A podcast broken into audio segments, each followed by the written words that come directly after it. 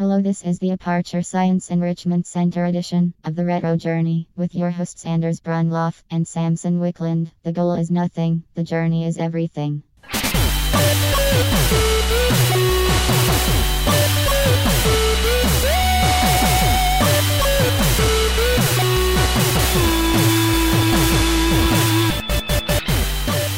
Vill du kanske säga hej?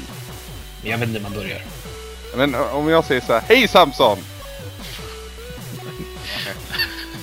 Nej, skit i det. Hur är det? Hej Anders. Hej Samson. Det är skitsnacksdags igen.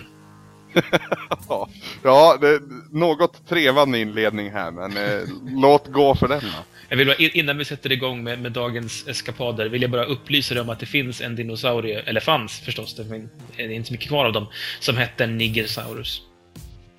Är det sant? Ja, eller Nigersaurus om man ska vara riktigt tydlig. Eh, fanns under kritaperioden. Det är en, en, en sauropod, en sån här lång hals så att säga.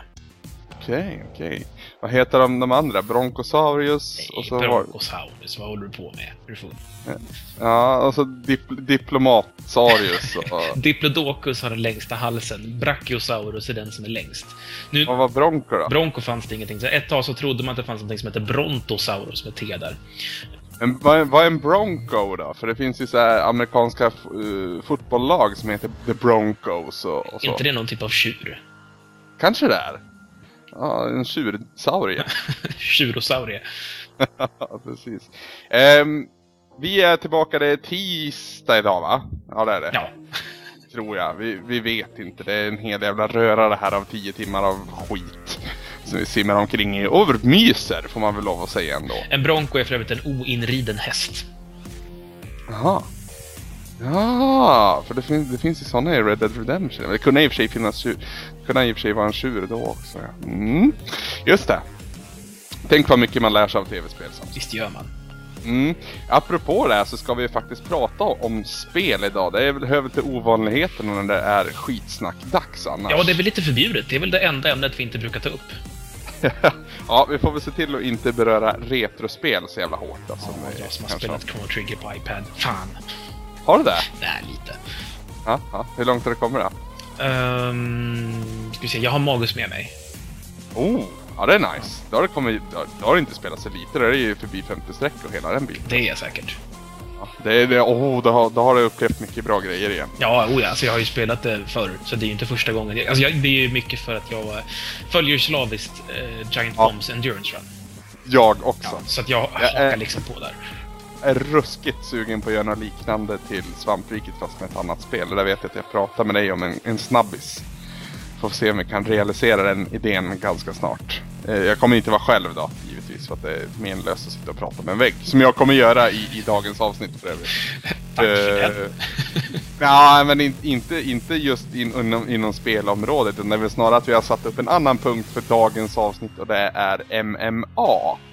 Och där känns det som att det är... Eh, jag får leda diskussionen i alla fall, om jag vrider det så. Det är inte något område som jag känner mig eh, särskilt bevandrad i, nej. Det är så jävla synd också för att eh, när du väl var här eh, i Borås här, det var väl i början av sommaren 2011? Han var väl strax före DreamHack, va? Nej, det var, det var väl efter DreamHack det här tror jag. Det var väl dagen efter DreamHack om jag minns allting rätt. Jag minns inte exakt hur det till, men runt, där, runt DreamHack. Precis, jag släpade ju dig till en eh, Strikeforce-gala hemma hos Tobbe nu, där, där och då. Och Släpa den var och släpa, det var ganska trevligt att umgås med Tobbe och dig ändå. Ja, men vi var, vi var ju duktigt trött alltså, och lite bakis och sådär. Jag vet, jävlar vad vi sov den dagen. Ja, vi sov länge båda två, kom upp båda två, så var vi så nöjda med oss själva att vi hade lyckats sova så länge. vi, levde upp till den här äh, gamer-myten. Sova förbi lunch. Jo, men sen satt vi uppe fram till klockan sju på morgonen och diskuterade också.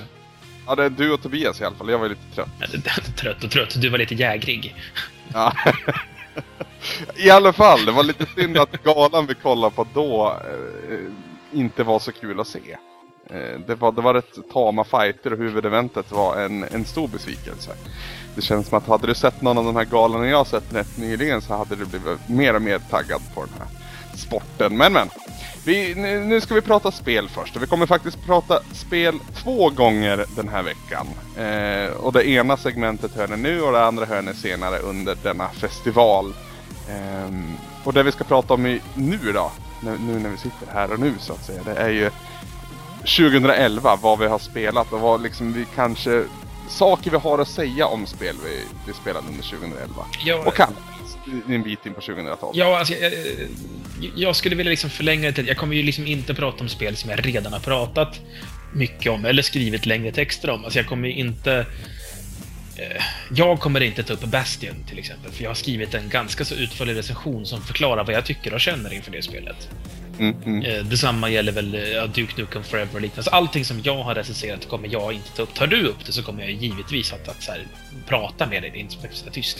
Men jag- vill fokusera på saker som kanske inte är sprillans nya, lite sådär skämshögspelande som det kan ha blivit. Jag har ju varit arbetslös två gånger det här året. Precis. Eh, Så att jag har eh, fått riva av lite.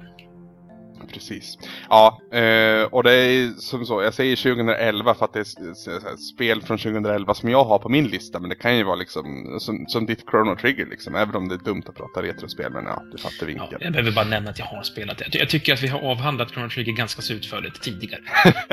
Säger du det?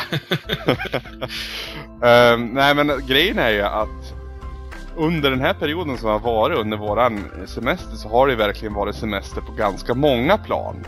För det, det har liksom inte varit att recensionsexen har haglat in, vilket det var ett tag där under. För både dig och mig så fick vi liksom ner så här 4-5 spel per vecka och det, är- det är ganska tajt. Eh, och så sen så har vi haft semester från Retroresan och jag har känt att det var välbehövligt och inte minst i och med att man vill göra det man vill liksom inte gå på sparlåga i, i nuläget. Nu vill vi bränna av allt under den här säsong 3.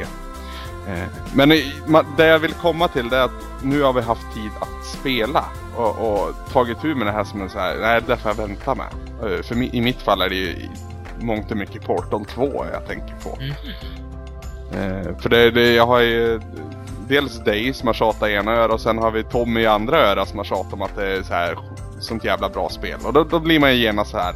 Ja men både Samson och Tommy är smartare än mig. Jag fastnar som fan på de där pusslen i första Portal. Hur ska det vara här då? Och mycket riktigt så fastnade jag på pusslet i Portal 2. Jag tycker att jag är dum i huvudet. Jag tyckte Valve var dum i huvudet. Jag tyckte Gladus och ja, man, Wheatley är dumma i huvudet. Men eh, jag kommer ju vidare förr eller senare. Och känner mig ännu dum i huvudet för att jag inte förstod det från, från första början. Eh, men eh, för helvete vilket jävla bra spel det var. Det, det, ja, Ja, det kom högst upp på Svamprikets topp eh, Game of the Year-lista. ja och det, att det gjorde det trots att jag inte hade spelat det, visar lite på hur mycket jag växt i mitt så här, elittyckande egentligen. Men jag hade en känsla av att det kunde vara så här bra och så här i efterhand så tycker jag verkligen att det förtjänar första platsen. Mm. För det, det, alltså, hur kan man vara så rolig som spelskapare? Det är väl eh, eh Jet Falicek och Chris Wolpaw som är författare till spelet, som får stå för merparten. Sen vet jag att Valve jobbar lite sådär planlöst. Eh, det var fel sagt. Eh, vad heter det? en sån här typ av organisation som, som både Pirate Bay och eh, Feministiska initiativ lyder under. En eh, platt organisation. Jaha. Eh, Så alla på Valve får säga vad de tycker om alla delar av spelet. Så en grafiker kan mycket väl komma med, med liksom förslag på manus.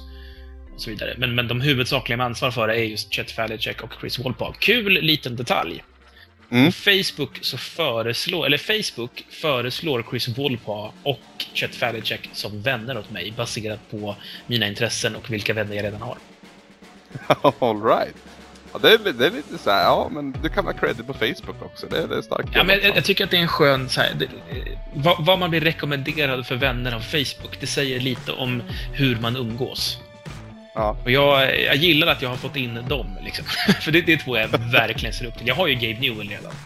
Ja. Eh, Jag och Gabe är på Facebook. Sen att han hade ju knappast en liksom, privat Facebook. Det är ju väldigt mycket en PR-grej. Mm. Eh, Men jag tror att det och en massa amerikanska speljournalister är väl det som har dragit in det åt det hållet.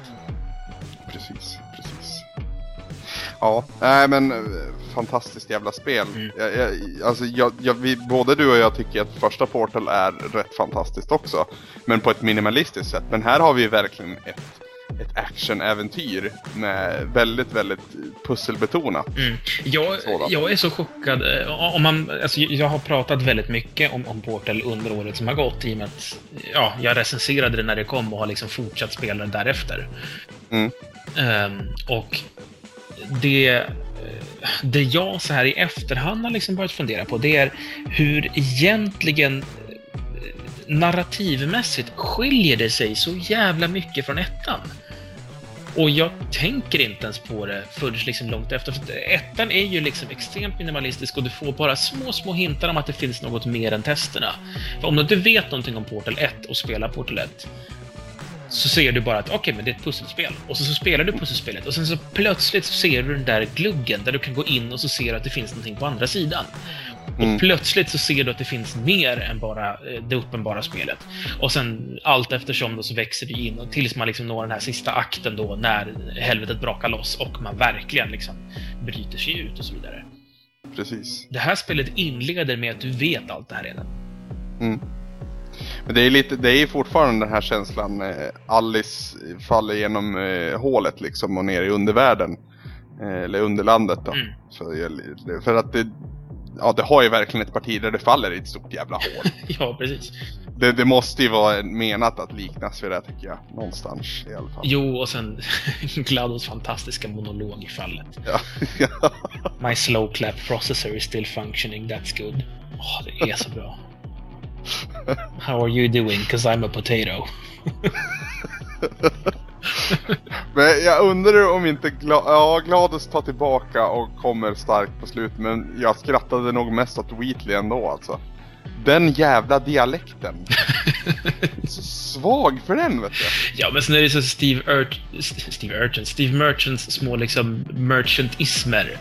Eh, Det här liksom trevande språket. Att han börjar en mening och sen bara eh, no that, that, that, that can't be it. Och så bara går han direkt vidare. Och så att, mycket är ju förstås det fantastiska manuset från början med, med liksom lösenordshackningen till exempel. Eller eh, allt det här andra. Men, men liksom, jag tror att väldigt mycket också bygger nog på liksom saker som bara händer av farten. Jag kan tänka mig att alla röstskådespelare, som, de som har liksom varit med ett tag, som har den här komiska talangen, till exempel Merchant, till exempel eh, Nolan North, som gör eh, också i princip bara roliga roller i det här spelet.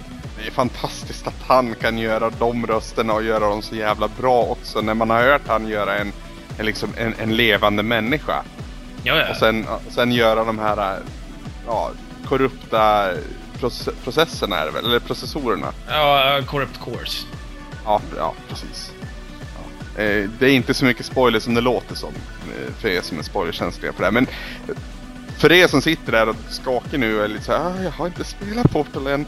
För det första, gå och spela det. Och för det andra så, så kommer det att vara lite spoilers i det här. För det är så vi vill ha det. Vi kommer väl spoila merparten av det vi, om de spelen vi kommer prata om idag, misstänker jag. Ja, precis. Och det, det, det känns okej att göra det nu. Men eh, ja, ni är varnade nu i alla fall. Det är lite vår grej. Ja, men vad fan, man kan, jag, jag tycker inte om det här. Nej, det kan, jag vet Malin, när, vi, när jag var med i Gameplay FM så här. Nej men säg inte hur Metal Gear 3 slutar. Metal Gear 3, det kom typ fem år sedan när vi pratade om det där. Det borde vara okej att prata om slutet någon gång. Jag, jag tycker att inom spelmedia, alltså på, på, i spelbloggar, i spelpodcast, i speltidningar och så vidare. Är man en sån som vill följa dem, då, då håller man ju sig ajour generellt. Ja. Jag tycker givetvis att man ska varna för att spoilers kan komma. Det, det, man ska absolut inte liksom lura in någon. Man ska vara tydlig med att det kommer att komma spoilers. Däremot så tycker jag att när det har gått ett år så behöver man inte längre varna för spoilers. Tycker jag. Nej. Eh, sen tycker jag att så här, eh, ja, första tre månaderna förstår jag att alla är spoilerkänsliga, så då försöker jag undvika att prata om spel offentligt i alla fall, på det sättet överhuvudtaget. Första halvåret egentligen, för min del i alla fall. För att, ja. Men eh, det här, alltså Portal 2 släpptes ju i våras någon gång va? Ja, strax före påsk. Ja. Eller nej, det, det, det släpptes påskveckan. Jag fick det strax före påsk, så var det. Så var det, så var det. Kände du det häftigt då? Eh, ja, det kändes jävligt bra, för jag hade sett fram emot det så länge. Och jä- jag, jag slogs med näbbar och klor för att vara den som fick det, för att det var liksom... Det var viktigt för mig att få spela Portal. Ja. Det, Unge, ungefär som, som jag och Ludde slog som Arkham City. ja. Vilket jag i och för sig köpte. Ja, ja, ja. Det var länge sedan jag köpte ett spel ska du veta. Ja, jag, jag har faktiskt... eh, Ja, i och för sig. Det senaste spelet jag köpte var nog faktiskt Arkham Asylum, eller Arkham City. Ja. Men eh, jag, jag är en, en, eh, mycket av en rebaxhandlare. Eh, Ja. De flesta spel som jag behöver spela i, liksom mitt semiprofessionella skrivande får jag, tack och lov. Behöver inte betala för. En del köper jag som måste ha titlar, som Arkham City till exempel. Och sen de som jag inte hinner med, eller de som jag inte är tvungen att spela, de plockar jag på mig när jag är ledig. Det är så skönt för, för Tobias han är en sån som, som så här, köper spel och, och köper ganska, han köper ju mer än man orkar med. Mm. Portal 2 har jag lånat av han och nu när jag är klar med det här kanske jag ska sätta mig med första Mass Effect för det har han också köpt. Och när, om, jag, om jag sätter igång med det eller inte, om jag inte gör det så då har jag Deus Ex Human Revolution att, att sätta tänderna i liksom. Eh, har du spelat Deus Ex någonting? Mm, jag har det hemma. Har du spelat det någonting? Eh, Jag har börjat på det, men inte riktigt fastnat för det. Alltså nu, nu pratar jag alltså om fjolårets Deus Ex, inte original. Ja, ja, precis. Det, det, Ja. det nya, helt enkelt. Eh, OR så att säga. Jag, eh, jag har spelat det... eh, Jag kan inte svara exakt hur många timmar det rör sig om, men eh, så pass mycket att jag har smakat på merparten av de olika gameplay-typerna som erbjuds. Mm, mm. Och eh, Känns det lovande då? det är väldigt mycket som görs väldigt rätt i det spelet. Eh, tycker jag. Jag har ju ingen så här, eh, rosa skimmer över eh, originalen. Eller det, Nej, det är många som vill se att vi ändrar på det. Ja, det, det får vi väl ta tag i. Vi, Eh, Ja, ska vi det? Det är, det är mycket spel. mm, Ja, vill, vill folk lyssna på, på, på Raven om det så finns det ett så här, vad heter det, Spelradion spelklubb eller någonting sånt, så här, fyra avsnitt, fyra timmar var. ja, men då är det gjort. Då behöver vi inte tänka på Precis, precis. Det är lite så jag känner också. Vi vill nya marker. Ja, men eh, vad ska jag säga? Jo, jag, jag, jag, eh, tycker att det finns mycket bra för det, men jag fastnar inte för det själv. På något vis. Jag, jag, Mm. eh, jag är lite dum sådär. Efter jag klarat ett uppdrag så hittar jag 12 andra sätt att lösa uppdraget som är mycket bättre och smartare än det jag gjorde.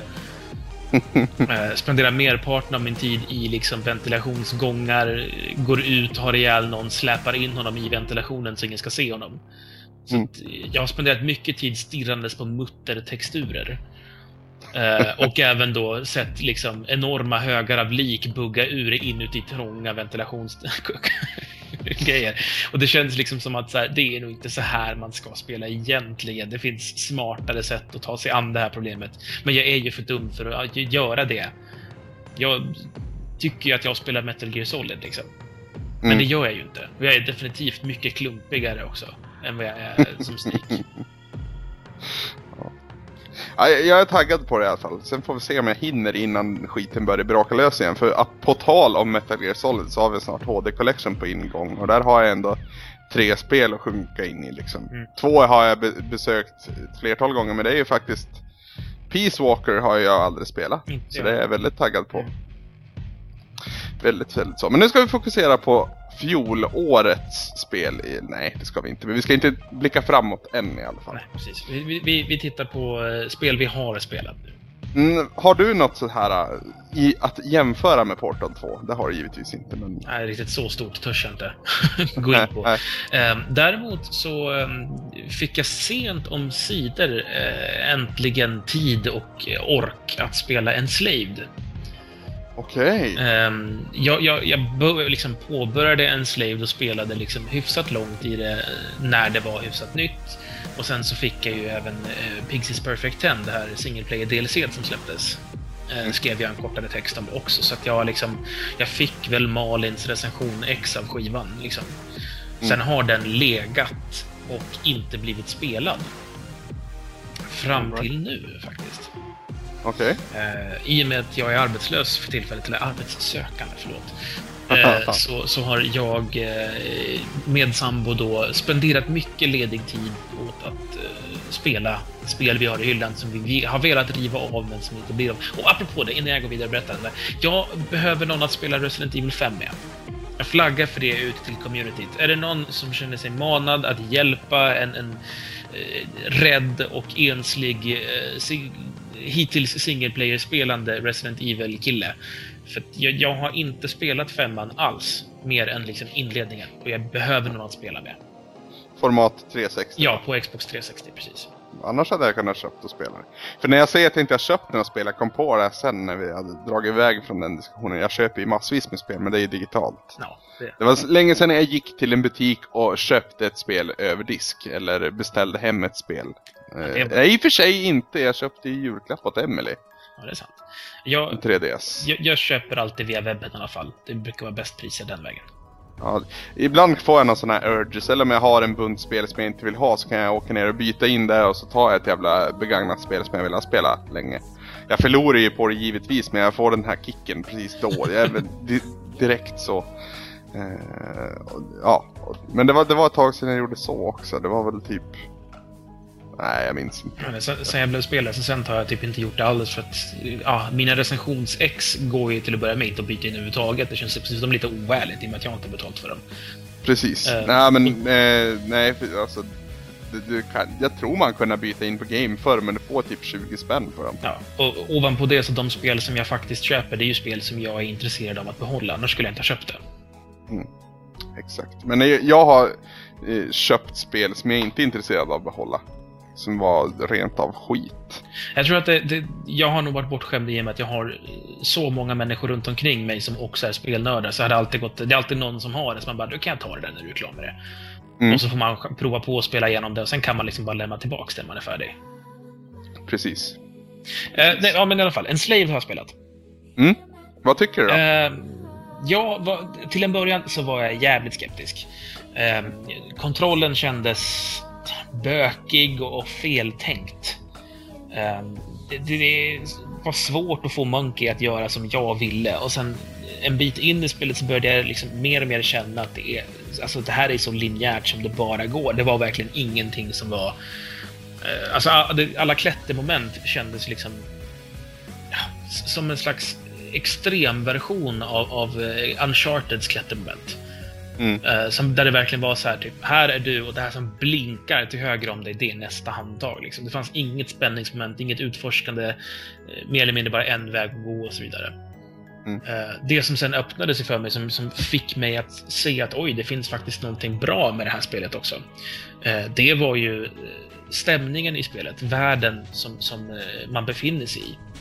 Dels hur det ser ut, det är ju väldigt vackert. Det är Unreal-motorn som är Eh, fokuserad på grönska. Det är ju eh, ja, New York eh, efter liksom krig mot maskinen. Mm, jag vet, jag skrev ett blogginlägg om det och titeln var väl En vacker död stad. Mm. Tror jag. Som du naturligtvis invände på sen. Men det, det är en Ja, men det är för att jag inte gillar Thåström. jag gillar att ogilla han. Det känns som att han gillar att folk ogillar han också. Ja, men vad bra. Då bjuder jag honom på det. Ja, precis. Nej men eh, jag har alltid tyckt att spelet ser intressant ut men jag har liksom aldrig riktigt satt mig ner och testat det. Det, det jag tycker är att um, berättelsen är inte superbra på något sätt, men den är okej. Okay. lite tunn och lite tv-spelig om man får säga så.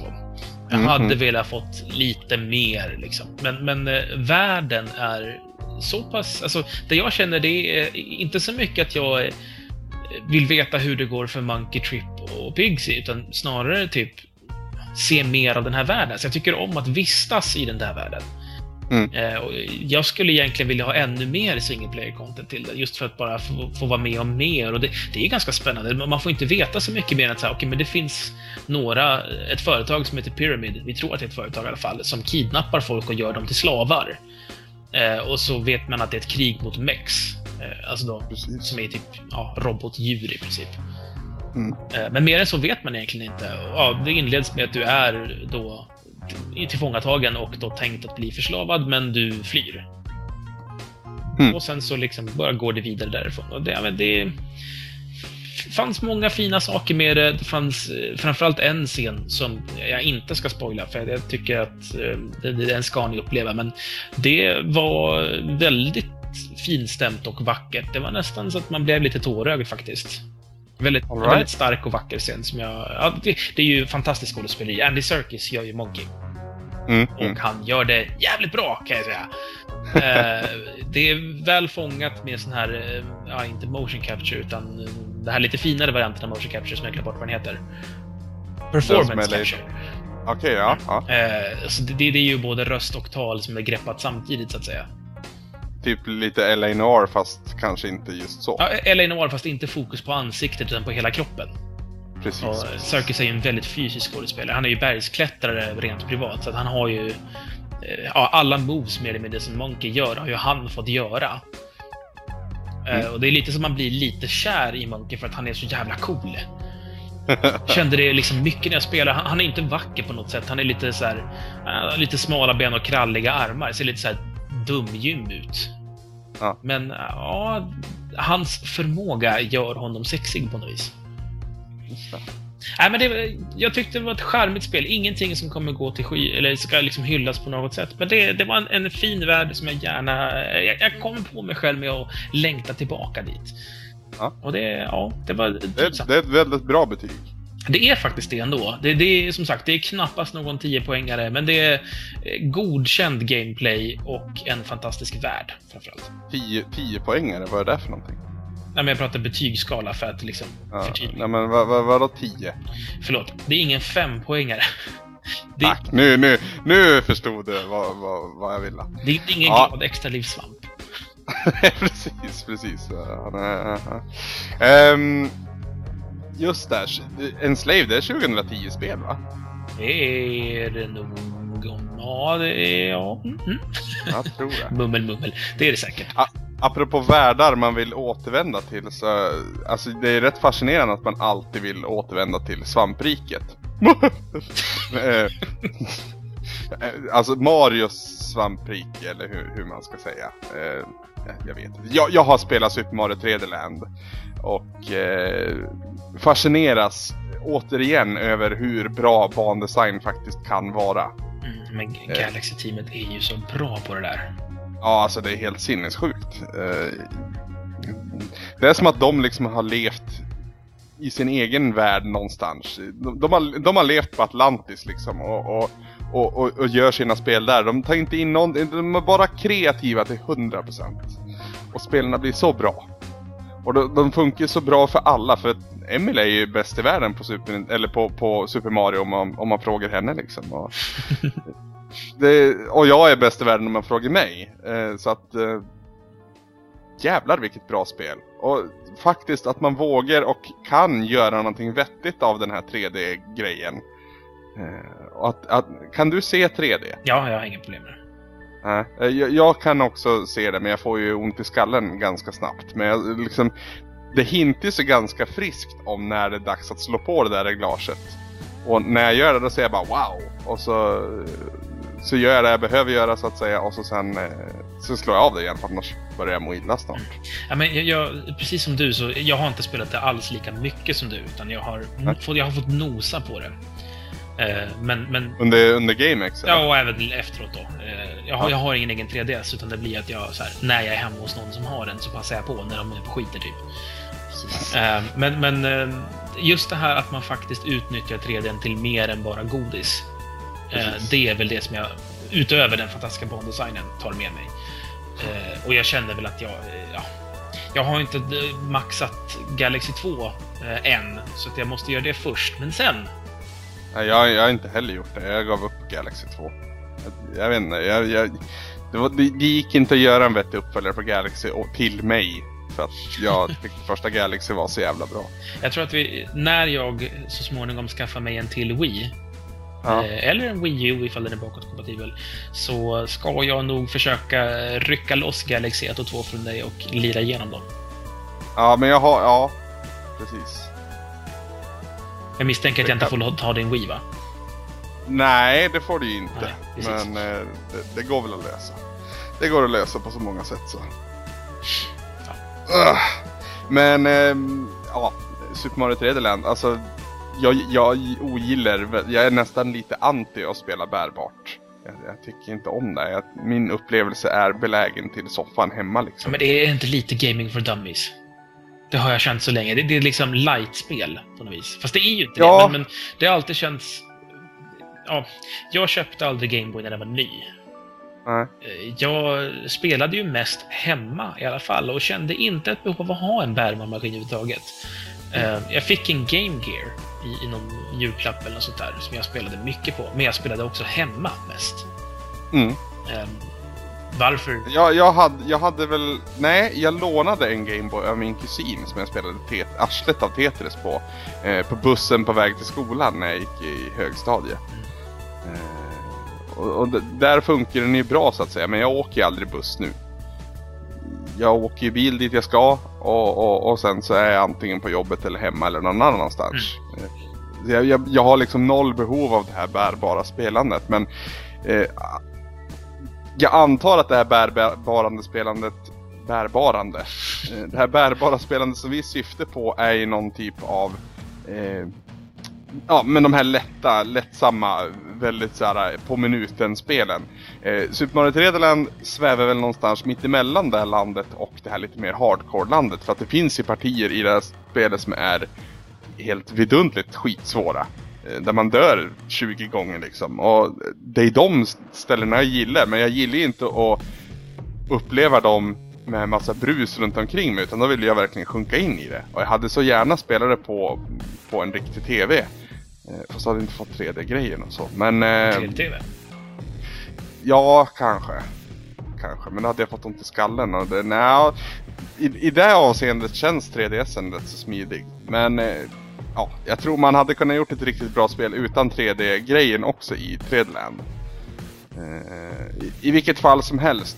Trots att jag har hyser lite sånt här äh, agg mot det här bärbarande spelandet så, så har jag en jättetrevlig upplevelse i lag med Super Mario 3D Land. Och den förtjänar verkligen att hamna på... Hur långt upp hamnar den på våran topp 10? Jag minns inte, men den var på topp 10 i alla fall. Den var på topp 5 också tror Det jag. var nog säkert. För mig det var typ Arkham, Zelda och Portal före. Det känns som att den hade nog hamnat högre ifall flera av oss hade spelat det. Ja fast...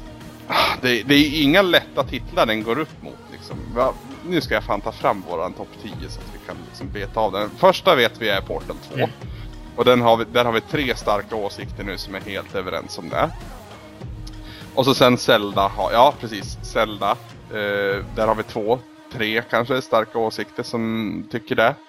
Ja, varken du eller jag då. Mm. Eh, så vi får väl stå och finna oss vid att sitta på avbytarbänken just där.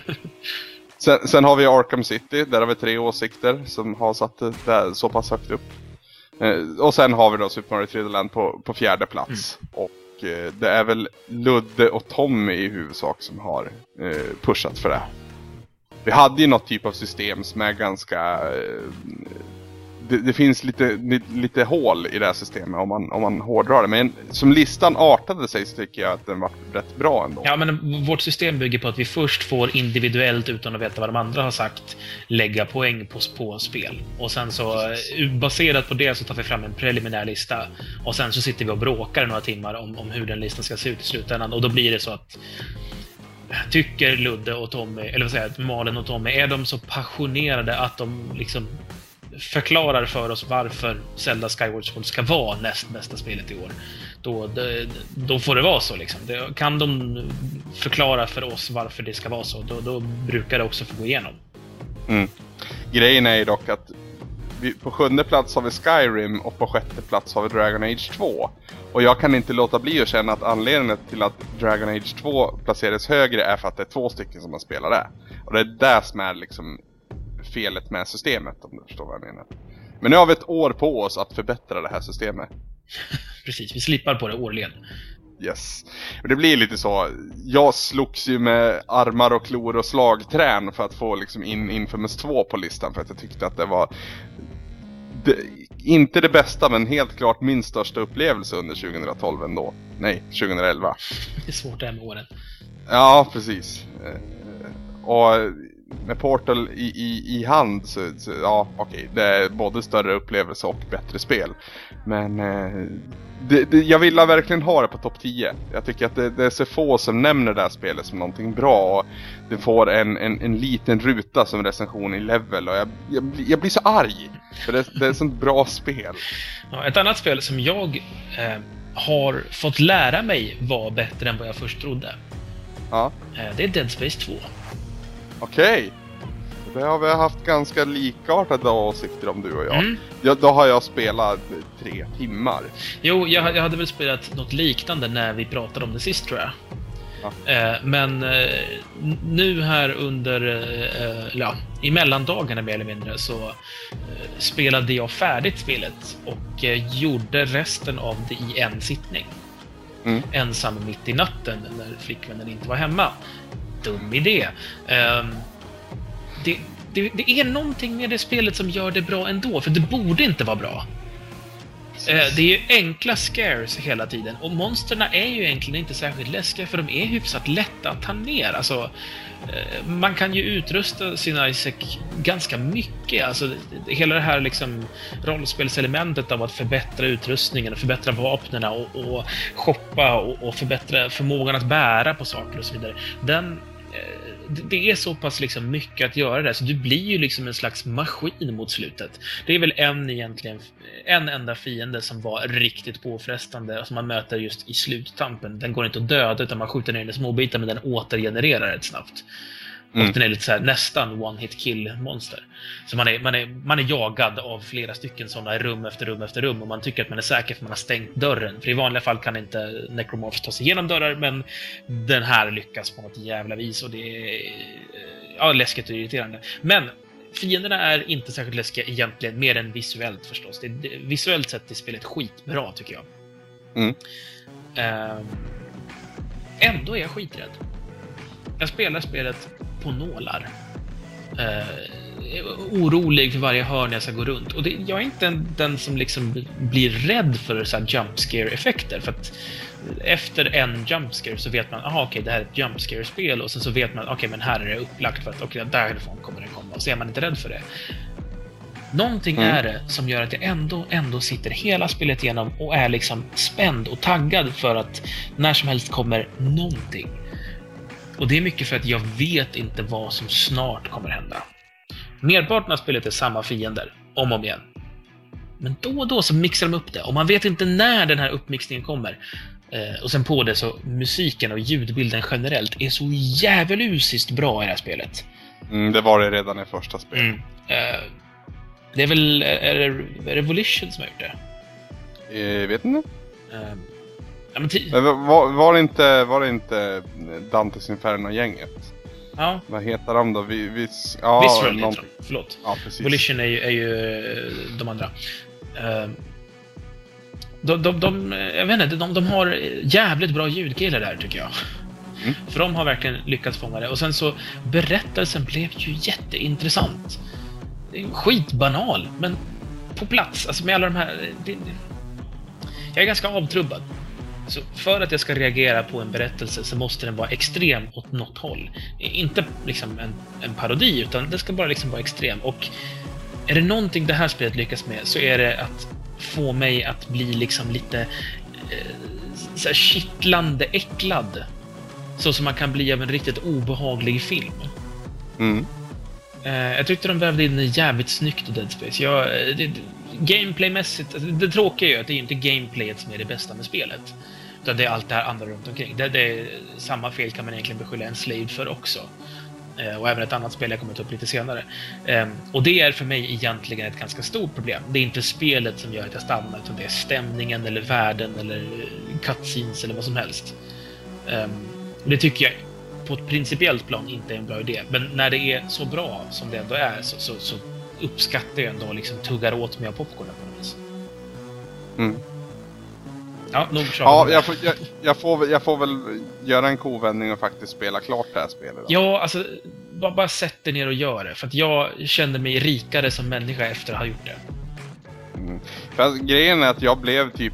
Det var en scen som skrämde mig i första Dead Space. Alla pratade om hur läskigt det var. Och det, det, det liksom att, att det inte skrämmer mig förtar ju inte någonting från spelet egentligen för att vi, vi är rädda för olika saker. Jag är liksom inte så här, uh, norrländsk och manlig på något vis utan jag, jag blir rädd av andra saker liksom.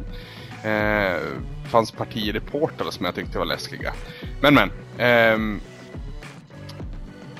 det förtar ju inte att, att det är ett förbannat jävla häftigt spel. Eh, jag tyckte det var skitballt och då spelade jag Dead, första Dead Space långt efter att hype-tåget hade passerat så att säga. Mm. Eh, under en so det var väl under sommaren i fjol, alltså 2010. Som eh, i, i, i förfjol, vad säger man? För två år sedan va? I fjol fjol. Ja, i fjol fjol så, så, så, så spelade jag I det. fjäll.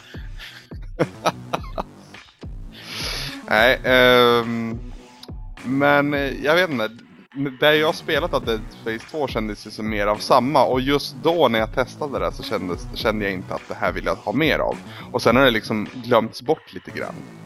Eh, Sen ska jag givetvis ha en åsikt om allting som alltid men eh, av, av det jag spelar har jag inte varit imponerad men eh, säger det sådär så blir jag ju genast mm, för det, ja, jag har liksom att du tycker det och att sen jag har minnen från hur Dead Space 1 var. Det, det räcker nog för att jag ska spela det igen. Mm, men jag, jag, jag kan ändå rekommendera, alltså, utan en massa krusiduller om att så här, eh, ja, strunta i den här detaljen så blir det bra. Utan jag, jag, jag tycker att det är en genuint trevlig upplevelse. Återigen, inte ett spel som går till historien och den, den hör inte hemma i en topp 10. Men eh, ändå värt att liksom ta upp som ett spel som är värt att spela igenom. Ja. Eh, och det, det är alltså, ur ett gameplay-perspektiv så är det ju ett ganska välgjort spel. Alltså det, eh, det, det är ett stabilt gameplay, du känner dig alltid liksom i god kontroll, du klagar aldrig på, på eller jag i alla fall, jag, jag klagar liksom aldrig egentligen på hur Isaac rör sig eller vilka vapen det är eller liksom hur, mängden monster jag slåss mot. Utan det, det, det är väl egentligen att det är lite... Det, det är mycket spel på något vis och eh, det är inte supervarierande. Men när variationen kommer så smakar den desto sötare. Mm. Eller läskigare, Ja. om nu vill säga det. Ja, ja, ja, ja. precis. Alltså det, det, det har varit kul att spela. Ja, alltså jag vet inte om jag har något mer spel. Alltså jag har ju spelat en del men det är så här, Final Fantasy 9 ska jag prata om sen. Ja, precis. Men Jag, jag är väldigt, väldigt imponerad kan jag säga. Jag hade en väldigt så här skön, nu är det hemma i Bollnäs känsla eh, För när jag satt och spelade hos Niklas. Mm. Det, det är så smidigt att ta med saven på en USB-stick eller lägga upp den i molnet eller whatever liksom. Eh, och så, då vart det liksom Final Fantasy 9, vi skulle bara, jag, skulle, jag skulle egentligen bara visa vart jag var någonstans i, i spelet. Och så råkade, råkade det finnas jäger i huset. Och, och resten var liksom historia. Det vart sådär åtta timmar eller någonting sånt som vi satt och spelade. Oj då, det bara malde på lite grann. Men det var då riktigt jävla ballt. Eh, så att jag har förhoppningsvis, det beror lite på hur, hur, hur det går att sammanställa den. Så har jag en förhoppningsvis en saftig sagostund att, att komma med sen. Mm. Eh, om inte en alltför lång avlägsen framtid. Eh, vi kommer väl avtäcka det den här veckan va? Precis. Jag vet inte om vi gör det i skitsnackform då. Nej, det tror inte jag heller. Nej, nej. Men vad har jag missat mer från 2011? Vad har jag spelat som jag inte... Jag vet inte. Något nedladdningsbart som du vill ta upp? Ja, alltså jag skulle vilja ge Rochard en till knuff. Nu har jag skrivit en recension om det, men det var väl ingen som läste den ändå, höll jag på att säga. Men, Jag, faktiskt, jag, jag har hört från andra håll också om Rochard. Må- Många, alltså jag har hört det diskuteras i en liksom topp 10 Game of the Year-lista till och med. ja, det, det har väldigt, väldigt starka kvaliteter ibland. Det var vissa grejer som stack mig i ögonen. Eh, för er som inte vet någonting om Rashard så kan man väl säga att det är en, ett finskutvecklat spel. Jag kommer inte ihåg vad utvecklingsstudien heter.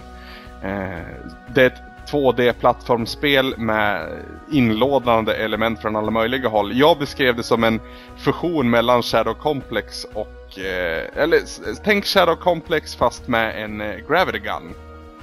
Ja, just det. Vad så du förklarar. Ja. Eh, får också Portal-vibbar, men det är väl Valve-grejen där antar jag. Eh, fast det är liksom, det, det jag störde mig på det var presentationen och framförallt det här eh, röstskådespelet är ju helt värdelöst. Eh, tydligen så är han som spelar då Rashard någon typ av eh, stor skådis eller legend av något slag. Jag vet fan inte men eh, jag tyckte det lät löjligt och det, man försökte göra dramatiska scener och det blev pannkaka av alltihop. Och jag tyckte inte heller att eh, det grafiska var eh, tillräckligt bra för att stå ut. Jag tyckte snarare att det var en potpurri och det syntes att man inte riktigt hade haft en, en enhetlig... Eh, man hade inte diskuterat åt vilket håll man ville dra den grafiska presentationen. Då var det liksom väldigt flamsigt. Men det ser inte dumt ut egentligen. Det, det ser faktiskt rätt okej ut. Men förbannat roligt att spela. Eh, pusselorienterat men också väldigt snyggt. Det är snyggt ihopvävt pussel och action. Eh, det har hittills endast varit exklusivt för PS3 men vad jag förstått så ska det komma eller ha kommit på PC. Mm. Så det, det, är värt att kika på. De heter för övrigt Recoil Games. Eh, de har ingen egen Wikipedia-sida så jag kan inte ta det längre än så. Men eh, det är en, det är en finsk spelstudio som sagt. Nu ska vi se, november, ja titta det finns på, sen 15 november finns det på PC och Sen 21 december på Mac OS X. Där ser man, det visste jag inte. Jag ser det, jag ser det. Jag ser det. Så jag, jag, tycker att det är värt att kika på. Det, det, är inte många timmar det, det tar att springa igenom det men coola pussel framförallt. Fysikbaserade coola pussel. Eh, som, som lite så här fingertoppskänsla. Det, det gillar man. Mm. Och det, det, är väldigt sällan svårt att förstå vad du ska göra. Det är bara så, ganska svårt att genomföra det med perfektion. Ja. Och så sen så känns det som att det inte är alltid bara en, ett sätt att göra det utan du kan så här, göra det på ditt eget Lite som i Portal. Det finns fler än en lösning. Ger man antingen illusionen av eller så finns det det. Jag är inte riktigt bestämt men... Om inte annat brukar det gå att typ bryta spelet och därigenom hitta en ny lösning. Ja. En, som, en som de inte hade tänkt men en som också funkar så att säga. Precis. Nej, det är Ja, jag, jag, jag fastnar inte så vidare mycket för Bastion heller, men det är väl ingen idé att säga det till dig. det är okej, man behöver inte gilla det lika mycket som jag. Jag tror det var mer timingfråga, det fanns så mycket annat då. Eh, så att, jag, jag, ska spela igenom det. Jag spelar väl två, tre nivåer eller någonting sånt här. Jag, jag kan ju tipsa dig om att det är ett spel som ska spelas igenom två gånger. Okej. Okay. Minst. Ja, ja. Nu var du duktig och inte drog iväg på en rant om Bastion här som du sa att du inte skulle göra. Nej, precis. Uh, klappa axeln på dig Samson. Istället vill jag ta, prata lite om Alice Madness Returns. Mm har vi inte vi gjort det? Nej, Nej det har vi inte. vi har pratat om det första Alice. Ja, ja, ja, kör på. Uh, Madness Returns är uppföljaren och det är American McGee i sadeln igen med ett helt, mer eller mindre ett helt annat team som utvecklat den här. Um, det här spelet är gameplaymässigt sådär. Aha. Eh, storymässigt briljant. starka ord. Ja, det är briljant med en liten asterisk. Asterisken är att det briljanta är det sista som händer i spelet. Mm. Det är då allt går upp för en och man får förklaringen som gör de där första ostiga timmarna med spelet förklarade. Eh, som, och, ja. Har du sett filmen Existens någon gång? Jag eh, tror inte det. Det handlar om eh, ett tv-spel där man kopplar in någonting i sig och så spelar man liksom ja, lite virtual reality-aktigt. Eh, Kirsten Dunst spelar en, eh, i princip huvudroll. Hon är, hon är producenten till spelet. Eh, mm -hmm. Tobey Maguire spelar en, en spelare då i det här spelet. De eh, ska då fly. Eh, eller det inleds med att de ska ha en presentation för det här då i en lokal och sen så under presentationen så, så uppstår någon typ av problem. Det finns någon grupp då som är sån här anti-virtual reality-spel som säger att det liksom förslavar människor och så vidare. Och så, så blir det liksom en, en kamp då för den här spelskaparen och Tog Maguire att lyckas överleva det hela. Mm -hmm. Mm -hmm. Nej, det är ingenting jag har sett. Okay. Eh, en udda film av Steven Soderbergh. Han, han är ju inte direkt känd för att göra vettiga filmer. Eller vettiga, jo, men, men inte lättförståeliga. Nej, eh, om, om jag får spoila det här spelet. Jag, jag frågade, eller den här filmen. För, för mig får det absolut spo spoila. Jag kan förvarna lyssnarna. Eh, filmen Existens av Steven Soderbergh kommer nu att spoilas. Så vill du inte höra så spola fram en bit. Exakt hur långt vet jag inte. Säg fem minuter för att vara säker. Det visar sig mot slutet att spelet utspelar sig i ett spel. Eh, så det är liksom meta. Så att det slutar med att de liksom stänger av och så sitter alla skådespelarna från filmen liksom i ett och samma rum och har då varit på den riktiga demovisningen som det allt det här handlade om. Ja, ja, ja. Eh, och det i sin tur gör att man får förklarat för sig en massa saker som händer. För det är mycket cheesy effekter, saker som är ologiska och liksom så här, men det där är ju bara korkat. Varför skulle hon reagera så? Och när man då får förklarat det här, jo, för att det, de, det som vi, det vi ser utspela sig i ett spel. Jaha, är det så det funkar? Mm. Den effekten finns i slutet på Alice Madness Returns. Där man liksom right. får klart för sig. Och det berättar också ganska mycket om vad som sker i det första Alice. Jaha. Eh, För det första Alice handlar ju om hur eh, Alice Lydell då eh, arbetar sig igenom situationen att liksom hela hennes familj dog i den här eh, eldsvådan. Det är hennes liksom bearbetning av de skuldkänslor hon har för att det bara var hon som överlevde. Survivor guilt, så att säga. Mm. Eh, tvåan handlar det om att hon i princip har fått ett återfall då och återigen sitter i, i liksom en liknande sits. Den här, I det här tillfället så är det också så att eh, Wonderland i sig har ju blivit korrupt av någonting. Eh, symboliserat då som ett stort eh, tåg som är mer eller mindre ser ut som en katedral som åker på räls. Som liksom förstör underlandet och korrumperar det. Eh, och det finns någon typ av så här svarta eh, orgelliknande saker med läskiga masker. Eh, som då eh, ja, agerar fiender och liknande. Mm. Det vävs ihop mot slutet av Alice. Varför... um, man får reda på mer om den här eldsvådan då som dödade hennes familj. Uh, vad som var orsakerna bakom och uh, även liksom vad det var som ledde till att de orsakerna existerade och så vidare. Och man får reda på ganska så obehagliga saker om Alice själv. Uh, vi vet ju att Alice flyr in i Wonderland när hon inte klarar av verkligheten. Mm. I spelet så, så eh, varvas det med att du spelar i det, det viktorianska London, där är liksom Alice Lydell i verkligheten. Eh, som föräldralös, bor på barnhem och så vidare. Eh, hur hon liksom går runt i den världen och sen så varvas det med att hon med jämna mellanrum liksom ja, svimmar eller eh, liknande och plötsligt befinner sig i Wonderland och sen när man har klarat Wonderland-avdelningen så är man tillbaka och då vaknar hon upp och vet inte var hon är någonstans och sen så går liksom så berättas historien. Och det känns liksom eh, planlöst och, och bara som att man skjuter från höften hela tiden man spelar tills man liksom når slutet när man får reda på de hemska sanningarna om varför det ser ut så. Och, och, och eh, vad det är som gör att hon vaknar upp sådär och vad, vad det är som egentligen händer när hon försvinner ut i Wonderland.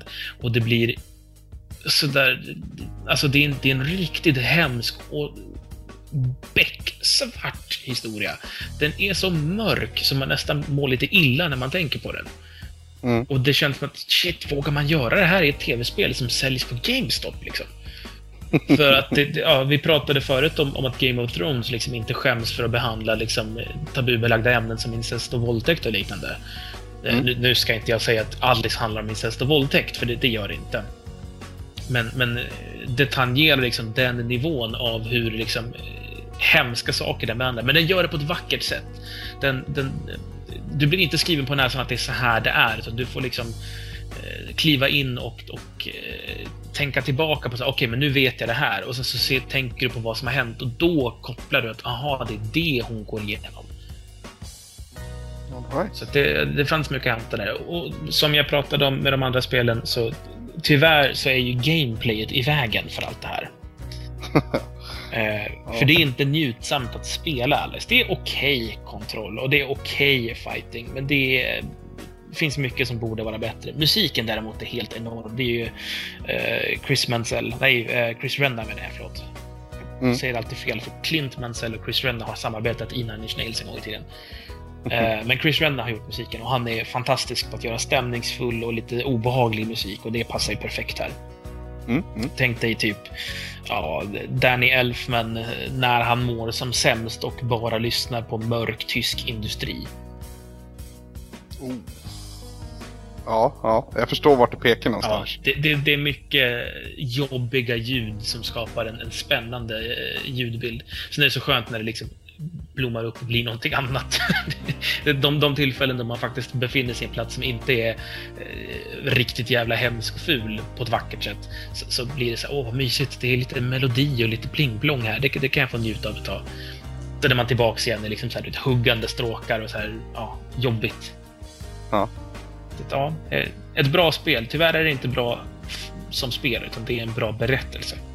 Bra upplevelse man. Ja. Jag, jag, skulle vilja säga att den är välskriven, men problemet är att det är så... Uh, inf det är pubertal dialog. Det låter som någonting en gotar-tjej, 14, hennes dikter. Så låter dialogen. ja. man, man, ser vad hon har för ambitioner, men det känns lite, lite tafatt. Men berättelsen som stort tycker jag ger mig så mycket ändå. Att det, det blir i slutändan en positiv upplevelse, trots allt skit som finns däremellan. Mm. Just det. Ja, ja, jag varit jävligt avskräckt från första Alice. Alltså, jag gillade inte det här vidare mycket alls. Just det här när du pratar om att, att det är berättelsen. Då skulle jag hellre kolla på, på någon annan som spelare faktiskt. Det tycker jag nästan du ska göra. Ja, Ja, minst i alla fall. Mm. Jag antar att det är någonting större i att spela det också. Men, ja, vi, vi får se hur, vi, hur jag gör. Mm. Ja, det, de berättar ju inte någonting med gameplay, utan det är ju... Gameplayet är, ganska obvious hela tiden. Det, det, det är liksom, de, de spelar på alla de här självklara sakerna. Givetvis möter du en läskig docka någonstans. Givetvis möter du... Alltså allt det här som du förväntar dig. Det är lite som att kolla på en Tim Burton-film nu för tiden. Givetvis så är eh, Johnny Depp med. Givetvis är Helena Bonham Carter med. Givetvis låter musiken sådär och givetvis är det den här art direction de har på sina kulisser. Och, ja, det förstår jag menar. Det, det, det är uppenbara sådana saker hela tiden. Mm, precis. Um, och det, det, drar ju ner, tyvärr. Det, det, vackert är det ju. Alltså, det, ur, ur ett designperspektiv så ser ju allting ganska bra ut. Ur ett tekniskt perspektiv inte, för det är ju budgettitel. Det syns liksom. Mm. Men ja, på det stora hela en behaglig presentation. Ett halvtrist gameplay. Det, det, är inte helt värdelöst. Det går att spela, det är inte buggigt och så vidare. All right. All right. Ja, vi, som sagt, vi får se vad jag gör. Jag, jag, har, jag har så mycket bra spel framför mig känner jag ändå. Eh, men eh, någon gång, absolut. Det, det, just sådana där plot twists som man väl kan kalla det där ändå. Eller en reveal eller vad det surrar i. Det, det, det går man ju igång på ändå så att säga. Mm. Uh, ska vi vara klara med spelsnacket där? Jag funderar på om det är någonting mer. Jag ska tänka efter och se. Jag letar igenom minnesbanken här. Eh, ja, för jag tror att jag har tömt mitt konto i alla fall. Eh, jag spelar väl det mesta jag ville spela. Det är ju 6 då som sagt. Men det, ja, och jag har inte, jag har ju mest spelat Portal och så spelar jag ju då eh, för att få ihop troféer i slutet av året. Natten mot nyårsafton och allt vad det heter. God of War Collection 1 och 2 för att dynga platerna i de två och så sen Sly Cooper 2 i HD Collection mm. för att dynga platerna där. Så det är liksom, det är inte så jävla intressant att prata om. Man spelar på ett annat sätt då, känner jag. Men det var rätt intressant att klara God of War 1 på under fem timmar. Det kan jag tänka mig. Det är ganska långt i spelet. Ja, fast Ja, det är svårt att förklara för att det känns som att det är jävligt långt för att målet känns alltid väldigt långt borta. Men sen går det jävligt fort på slutet. Det gör det nog. Sen, jag tror mycket av det är också att eh, God of War har ju ingen pacing. God of War börjar på 100 och ökar hela tiden. Ja, ja inte så mycket ettan kanske. Äh, jag tycker äh, ettan, ettan har lite pacing ändå. Ja, fast det, det är mycket så här man, man, man, staplar liksom bara nya nivåer på hela tiden. Det blir bara större, det blir bara mer episkt. Visst, lite finns det, det har du rätt i. Mm. Men, men ehm, man blir ganska mätt på det. Alltså det, det, är så, det är så mycket på en gång att det känns nästan större än vad det är. Men jag tror det är därför jag föredrar God of War 1 före de andra i, i, serien. För att just för att det, det är David Jaffis touch inbillar jag mig. Att, att det, det, kan inte bara vara extra cheese hela vägen. Utan det, det behöver ha lite liksom no, någon typ av cooldown. Och det är ganska schysst att vara mitt i ett jättestort pussel och fundera lite. Mm. Ja men uh, jag, jag, tycker också ettan är bäst. Nu har jag inte spelat trean. Nej. Um, ett, ett, jag, jag kom på att jag har en fråga till till dig. Jag tänkte att vi kanske inte ska vara lika långa på, på den, men jag vill ändå fråga dig. Kör på. Vad har du missat 2011? Som du vill ha spelat? Ja, Deus Ex. Ja, jo. Som sagt. Eh, Gears of War 3, definitivt. Jag har ju spelat både ettan och tvåan i, i co-op och nu bor jag jättelångt ifrån min co-op-partner. Eh, så jag får hitta någon annan. Eh, jag och Tobbe har pratat om att spela igenom det, men det är så liksom... Nu missar jag första hype-tåget här och då, är, då finns det massvis med spel som slåss om, om, om den här genomspelningen nu helt plötsligt. Mm, det blir ju. Om, om, ja, om man inte spelar den på en gång när det släpps. Eh, Det är väl nu, inte men- low, som du ska passa på i så fall. Ja, fast jag måste ju även passa på att spela första Mass Effect innan trean kommer. Fast första Mass Effect är så långt som man gör det. Det är så. Ja. Eh, sen, sen vill jag... Du har ju spelat tvåan. Eh, Yes. tvåan tycker jag är eh, storymässigt svagare, men den är upplagd bättre än ettan. Mm. Eh, när du spelar ettan, eh, det här upplevde i alla fall jag när jag spelade. Jag tyckte det var nästan ointressant. Eh, tills man kommer till en viss brytpunkt i spelet och då blev det plötsligt superintressant. Okej. Ehm, så, så, ja, slow burner, verkligen, måste jag säga om det spelet. Mm. Eh. Men jag, jag, jag, jag trampar gärna omkring med små steg i Mass Effect-universumet. Så att jag, jag, jag, tror på, jag tror på att det kommer bli nice hela vägen ändå. Jag, jag håller tummarna för att du gillar det. Jag, jag hade, det tog tid för mig att, att börja tycka att det var bra. Sen när jag, när jag har liksom spelat igenom hela spelet, då har jag återvänt flera gånger och uppskattat eh, liksom, hur det ser ut i början i alla fall. Men det, det är ju efter att jag vet vad som komma skall och har liksom, känner att jag vill eh, bara fördjupa mig och därför spelar mer liksom, än vad jag gjorde i början. Ja. Just det, just det, just det. Ja, kanske. Vi får, vi får se. Vi får se hur, hur jag tycker. Jag hoppas att jag hinner med det. Eh, för Nu, nu ska ju vi dra igång snart och sådär. Det brukar kunna sluka en hel del tid där vi gör. Det gör ju det. Yes. Eh, men du då? Vad har du missat?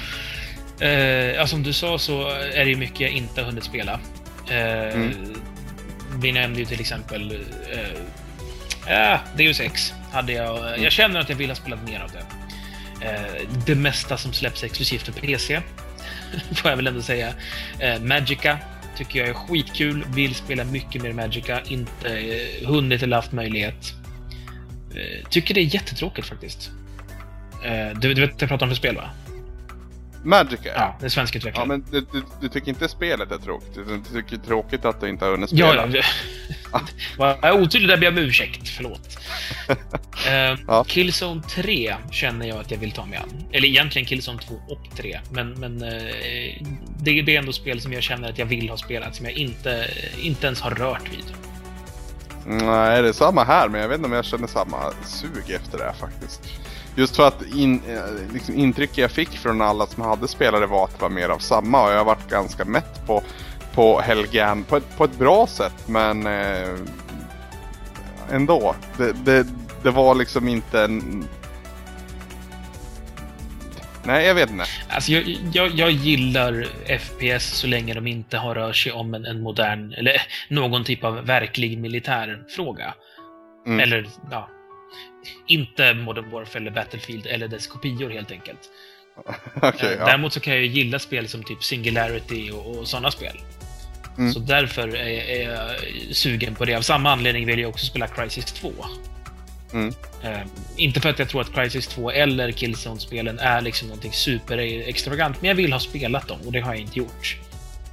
Eh, Crisis 2 har jag spelat lite av, men det var inte min kopp te, känner jag. Det kändes väldigt mycket som ett PC-spel på konsol också. Det är aldrig en bra känsla i min bok. jag har inga problem med det, så länge det inte är, är ett RTS. Det är konstigt att det inte kändes så över Portal dock, men jag, jag vet inte. Det, det, Det- det bara funkade. Det, det är inte lika Twitch-baserat heller. Nej, i och Du för har sig. nästan alltid lugn och ro. Liksom. Ja. Ehm, andra spel som jag känner att jag har missat är ehm, eh, Assassin's Creed, egentligen hela serien. Nej, jag har gett upp på Ubisoft. Ja, men det, det, det är nog efter senaste. För vad jag har förstått så ska Assassin's Creed 2 vara riktigt bra och även Brotherhood ska nästan vara bättre. Jag, jag, jag spelade Assassin's Creed 2 flera timmar in och jag vart så... Åh oh, gud vad... Jag, jag skrev ut på Twitter också, jag, nej, jag tänker inte ödsla tid på sånt där skit. Det är sån jävla dålig kontroll och det är så jävla töntigt alltihop. Det är skitsnyggt och jag gillar ramverk och all energi som man har lagt på att göra det så autentiskt som det bara går. Men, men nej. Fuck that shit säger jag. Nej tack. In, nej, ingenting sånt. Eh, Löjliga karaktärer och jävla... Nej. Fan, jag gav bort spelet. Jag, jag har eh, Brotherhood hemma för tillfället. Ja. Eh, Alldeles innan vi spelade in så spelade jag väl en timme kanske. Så jag, jag känner att... Jag hoppas att det griper mig, för det har inte gjort det än i alla fall. Mm. Ja, men det, det, det är Det- som jag känner att jag åtminstone borde ha spelat, om inte annat för, för eh, att ha bättre koll. Liksom. Det är... Assassin's Creed 2 för mig, jag skulle ju gå för Platin när det där var planen. Eh, det, det jag gjorde det var att jag spelade Infamous 2 före. Och det är så jävla sömlöst och skönt och smidigt att springa omkring i, i eh, New Marais. Eller Empire City för den delen i Infamous 1 och 2. Jämfört med de där jävla knapparna och de där jävla klättringarna i Assassin's Creed alltså. Jag hatade första spelet och jag, jag kan väl se att tvåan är bättre men det är långt ifrån bra för mig. Nej, ingen Assassin's Creed för mig. För att kontra då, Infamous är jag också sugen på att ta mig an någon gång. Ja, fan alltså. Ja, men Det är som sleeper hit för, för hela den här generationen känner jag. Ja, du, du har pratat mycket om den, så det, det, Ja. jag känner att jag, med din varma rekommendation har det faktiskt blivit intressant, för att det var inte det innan. Nej, och grejen är ju att jag är rädd för att det här är bara jag som sitter och tycker det här om de här spelen. Det, det verkar ju så. Det är ingen som, som raver på samma sätt som jag. jag. Jag förstår liksom inte på omvärlden lite grann. Du borde lyssna på podcast Beyond som IGN gör. Okej. Eh, Greg, eh, jag glömde bort vad han heter i efternamn, han eh, dyrkar Cole. Ja, men då så. Då skulle jag fistbumpat med han känner jag. Antagligen ja. Eh, eh, Snabbrensning också. Spel eh, ja, allt som släpptes till Wii som är intressant. Eh, För jag har ingen Wii. Inte för att det är så jättemånga titlar, men det är väl Kirby's Epic Yarn har jag liksom bara... Men Skyward Sword då? Ja, det, jag sa ju har släppts till Wii. som är intressant. Ja, det, det är ett spel som hamnar på nummer två på våran Game of the Year-lista vi, vi rör inte med det med tång liksom. Nej, men jag- Vad är grejen? Nej, Min grej är att jag helt enkelt inte har det. Och sen känner jag väl att vi har pratat rätt mycket om det spelet. Och det, det är ett spel jag har missat, definitivt. Däremot så känner jag mig inte superhungrig på just det. Men, men eh, Nej, det är, väl- det är väl upplägget jag känner är, är lite gammalt. Nu var det ju typ samma upplägg i, i Arkham, Arkham City också, fast det slipper ju de här eh, döpartierna Ja, vi kan prata mer om, om Arkham City senare, men jag tycker att det är en väldigt stor skillnad på vad du får i Arkham City och i Arkham Asylum. Och det är mer än bara liksom att det, ja, man har förändrat väldigt mycket av spelet till Arkham City. Och ja, det, det är ett annat ämne vi kan ta någon annan gång. Mm. Eh, Eller nu? nej, men det, det, det är en lång diskussion. Jag, jag håller på att gå igenom en lista här över saker jag har missat. Kan jag få göra det först? Okej. Okej. Eh, Ja. Resident Evil 4 HD. Ja, egentligen. Mm. Fan, det skulle vara nice att återvända till det alltså, för det var en jävligt häftig upplevelse första gången. Jag är helt med dig på det. Det, Ja. det ska rivas av någon gång. Men är är det, det är 360 och PS3? Ja, precis. Ned, nedladdningsbart. Precis, precis. För att jag, jag testade den här Wii Edition och jag tyckte inte att det var behagligt att spela det så. Folk prisade ju att det var, det var skönt att skjuta zombies på det här viset, men jag tyckte det var jobbigt att alltid peka mot TVn. Ja, gör inte det. Nej, ja, nej, precis. Eh, för nu var det väldigt många år sedan jag var, spelade Resident Evil 4. Och jag ha, hade det högt på min topp 100-lista.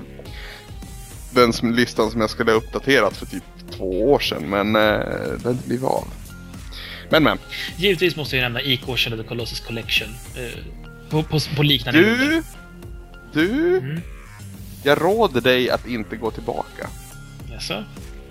På rak arm sådär. Fast alltså, jag har ju spelat Shadow the Colossus för inte alls så länge sedan, men det är PS2-versionen. Okej. Jag, jag vill Ja, mest ja. bara känna hur det känns i HD. För jag hade ju inte spelat Shadow of the Colossus framförallt eh, vidare mycket sen, sen jag spelade första gången. Då det var den här fantastiska pam pa pam upplevelsen. Mm. Pam pa pam. Eh, ja. Bam, bam. Ja. Nej men det liksom fullt blås eh, upplevelse. Jag tyckte att jävlar vad det här var krångligt helt plötsligt.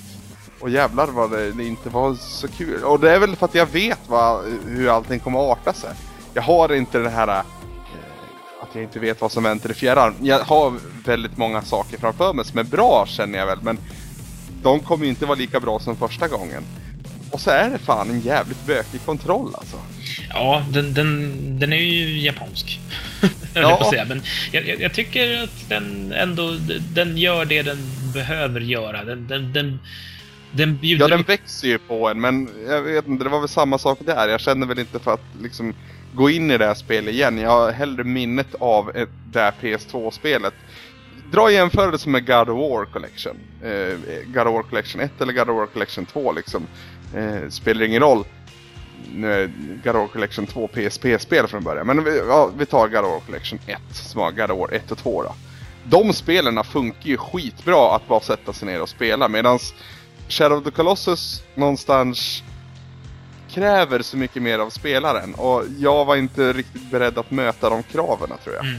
Ja men det blir ju också, man sitter ju i, i en ganska lyxigt obekväm sits i och med att man har så lite tid med så många spel. Faktiskt, och det ett annat problem som jag känner att jag har, det är att jag liksom bara spelar bra spel hela tiden. Det gör jag givetvis inte, men de dåliga eh, får man undan ganska snabbt. Man spelar tillräckligt för att säga vad man tycker och sen så ger man bort dem eller, eller skickar dem åt fan i soptunnan liksom. Mm. Eh, men eh, problemet då blir, nu har vi Retoresan som en liten räddare i nöden där, där vi måste gå in och verkligen analysera spelet. Men annars risken är att man, man det blir lite så här som, som eh, piratspelare beskriver det. Att man, man, man går ut och smakar på allt bara. Precis. Man, man sätter sig aldrig ner och har en riktigt fin middag utan det blir ett jävla julbord jämt. Mm. Det blir en, en, gröt av alltihop innan det är färdigt. Jag vill driva på några titlar till när jag är klar. Ja, varsågod. Rage. Ja, det har jag spelat. Alltså inte hela. Nej, men... Jag spelar klart ja. det. Det är bra. Samma anledning som, som, som tidigare FPS-spelet. Mm. Eh, li lite sådär off the radar. MDK2 HD. Eh, Jaha. För, för jag, jag har spelat MDK2 och tycker att det är ja. rätt kul. Och ja. Eh, är sugen på att se hur det känns i HD. Det är allt. Okay. Okay. Ja. Eh, jo, vad är det mer? Du har pratat lite om Payday the Heist och det är jag också lite sugen på att spela. Ja. Det, det, är också ett nedladdningsbart spel som ni bör kika in. Det var ju dumt att jag inte kom på det. Jag skrev en text om det eh, förra veckan. Mm. Vi pratar väl lite om det någonstans, eller så gjorde vi det privat kanske?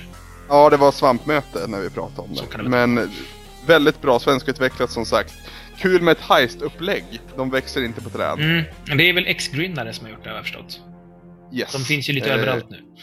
Ja, men ja, nej, jag ska inte ens försöka komma ihåg vad de heter nu, men någonting. Är det eh, Might and Light som har gjort det? Nej, det är det inte. Ska jag behöva gå till svamp? Overkill Software heter de. Ja, precis. Där har vi det. Ja, eh, mera. Ja, jag fortsätter vidare i min lilla lista här. Eh, mm. Kirby's Return to Dreamland till Wii. Just det. Det, det... det testade jag på GameX, men inte mer än det. Mm, det känns kul och jag vill veta mer. Mm, mm. Kirby är ju sällan dålig, är väl mitt intryck hittills i alla fall. Uh, Renegade Ops vill jag spela färdigt. Jag har, oh. jag har det och jag har börjat spela och tycker det är skitroligt. Ja, och jag har inte spelat det alls, men jag har liksom suttit och dreglat över det. Varför har jag inte fixat det här för? Jo, för att jag har för mycket annat att spela. Ja, men du, då gör du som så att du köper det på din 360 och så spelar vi tillsammans. Nej, inte 360. Men ditt spel och Brunlöva, kom igen. Jag har ingen PS3, du får vika dig. Uh, nej men ja, ja, som sagt, vi får se hur det är med tiden. Hittar du någon annan så skulle jag föreslå det snarare, för att jag kommer troligtvis dra ut på det. Förhoppningsvis är det lika roligt om ett år. Ja, förhoppningsvis. Ja. Eller i sommar. Eh, ny svacka. Ja, förlåt. Rayman Origins vill jag ha tid att spela. Hörde du, jag då? För det är skitkul det är... Så jävla... Det är Ubisoft vet du. Jag måste förklara min beef med Ubisoft. Den börjar väl i samband med att jag gav upp på Assassin's Creed 2 och sen kort därefter eller strax innan, jag minns inte vilken ordning det var, så fick jag hem Splinter Cell eh, HD Collection. Och insåg att det är skitspel där också. Där har du verkligen så här att Tom Clancy runker till uh, militärfilmer liksom. Det är bara skit. Eh, jävla Sam Fisher, jävla tönt. Ursäkta alla som har, uh, har han som favoritsmygare men nej tack. Inte för mig. Uh, med de grunderna så har jag liksom sett ner på Ubisoft konstant. Eller sen dess då så att säga. Och sen så kommer de att visa Rayman Origins och det är ju så jävla snyggt. Ja, det är fantastiskt vackert. Och bra gjort! Det är skitbra gameplay. Jag får väldigt mycket eh, New Super Mario Bros Wii-känsla av det. Och jävlar. Ja, vil- vilka format finns det till? Alla. Intressant. Är det nedladdningsbart? Det är bara... Nej, det är det inte. Det är bara köp. Men det är, det är sån här 40 dollar-titel. Eller så är Ja. det nedladdningsbart. Jag måste faktiskt dubbelkolla det här, för det blev jag osäker. Mm. Eh, Så det, lämpligt att bara köpa och ladda ner. ja, visst är det det. Eh, det är till, det är till... Det är ett vanligt retail-spel. Full disk alltså. Mm. Men, det, men det är som sagt det, det är en så kallad budgettitel, så du får en ny för 400 så att säga. Alright, jag får väl ta någon av den här skithögen jag har och byta in och åka och köpa den någon gång. Väl värt det. Eh, jag har inte spelat hela, men jag vill spela mer. Ja, alright. All right. Eh, Minecraft vill jag utforska mer än vad jag har gjort. Jag äger Minecraft, jag har betalt för skiten. Eh, jag har Mac-versionen i och med att jag har en Mac själv, men eh, jag har en ganska klen Mac som har många år på nacken och eh, jag har alldeles för lite i ram. Så det är Mm. ingen njutbar upplevelse att spela Minecraft på den. Och min media-PC är liksom späckad främst för att ge mig HD-video och inte någonting annat. Så den är liksom inte mycket att spela på heller. Nej. Eh. Så Minecraft, mest för att jag vill också vara med på något vis. Ja, ja, jag förstår hur du känner. Mario Kart 7. Motivering Ja, onödig skulle jag vilja säga. Ja. Och sen vill jag spela Trine 2, men det vill jag göra på PC. Jag vill inte spela det på konsol. Okej. Och varför det? Eh, grafikhoreriet. för, för att vara riktigt krass. För att eh, det, det är ett spel som sjuder av bloom-effekter och det eh, ah, ah, grafiken är, är liksom egentligen sekundär, för den har egentligen ingenting med gameplay att göra. Men det är en, alltså, anledningen att spela Trine 2 är för att det är kul pussel och att det är så fantastiskt vackert. På eh, de nedladdningsbara till konsolerna finns ju både på PSN och Xbox Live Arcade. Släpptes typ strax före julafton tror jag. Eh, I båda fallen så är det ju samma spel, men i och med att maskinerna inte är lika kraftfulla som en späckad PC så eh, ser det ju inte riktigt lika vasst ut. Och det, det, i, I en sån här upplevelse så känns det som att det är en del av kakan man inte vill missa. Det vore Right. lite som att typ plocka bort eh, någon god del av, av en god kaka. Att man typ plockar ur chokladbitarna ur en cookie eller någonting. Alright. Eh, det var nog min lista, tror jag. Trackmania 2. För jag tycker Trackmania är skitkul. Och jag Ja, men var det inte där vi såg på DreamHack? Sen såg så jävla skärmigt ut. det är helt galna rallyspelet. Ja, Ja. precis. Jag älskade Trackmania. Eh, Enbart PC va? Ja, eh, ja det där definitivt. Det, det, det är så mycket en mod... eh, Alltså he, hela Trackmania-fenomenet är så modberoende. Eh, grundspelet är liksom ganska tunt och, och de roligaste banorna görs ju av privatpersoner som sitter och gör det för kul. Mm. Och det är så rikt. I, i, det finns så mycket, för det är en sån eh, kreativ community bakom eh, Trackmania. Så att jag... Det är... eh, Ja, den dagen jag sätter mig ner på allvar och köper mig en, en fet jävla spel-PC. Hint, hint, sponsra mig. Ehm, så så Ja. tänker jag definitivt ta mig an Trackmania och en hel del andra spel som jag känner att jag ska spela på PC. Det dumma är att många av de spel jag nämnt tänker jag spela med handkontroll på PC. Eh, Det är väl FPSen som jag inte kommer göra det, annars så, eller ja, RTS. Annars är det mycket att jag vill spela med handkontroll på PC. Mm, ja, men så känner jag också. Ja, men då så. Ska vi typ eh, lämna spelsnacket för en liten stund i alla fall och eh, ska jag prata in i väggen ett tag? Det är väl dags för det va? Ja, det var väl dags för typ 40 minuter sedan, men eh, Retorösan style så går vi, ut, eh, går vi för långt. precis, precis. One time, we successfully mated a bulldog with a shih tzu. Really? That's weird. Yeah, we, we called it a bullshit. Mycket mera awesome kunde det stå för, men MMA står för Mixed Martial Arts och det här är någonting som jag fastnade för under 2010 egentligen. På troligtvis UFCs sämsta gala, 114, så fastnade jag för det. Och det vart ju en... Jag vet inte, jag är en intensiv människa. Föll för det ganska snabbt ändå. Eh, klev på hype-tåget och sen dess så vet jag mer och nördigare saker än alla andra mina vänner som liksom försökte få in mig på det här tåget. Det är lite så jag funkar. Jag går in till 200% liksom. Jag följer varenda jävla... Jag följer inte massa fighters på Twitter för de skriver bara massa skit om att de har tränat och käkat frukost liksom. Det är inte intressant. Men jag följer rätt många bloggar och jag har rätt så stor koll på vem som ska möta vem och när.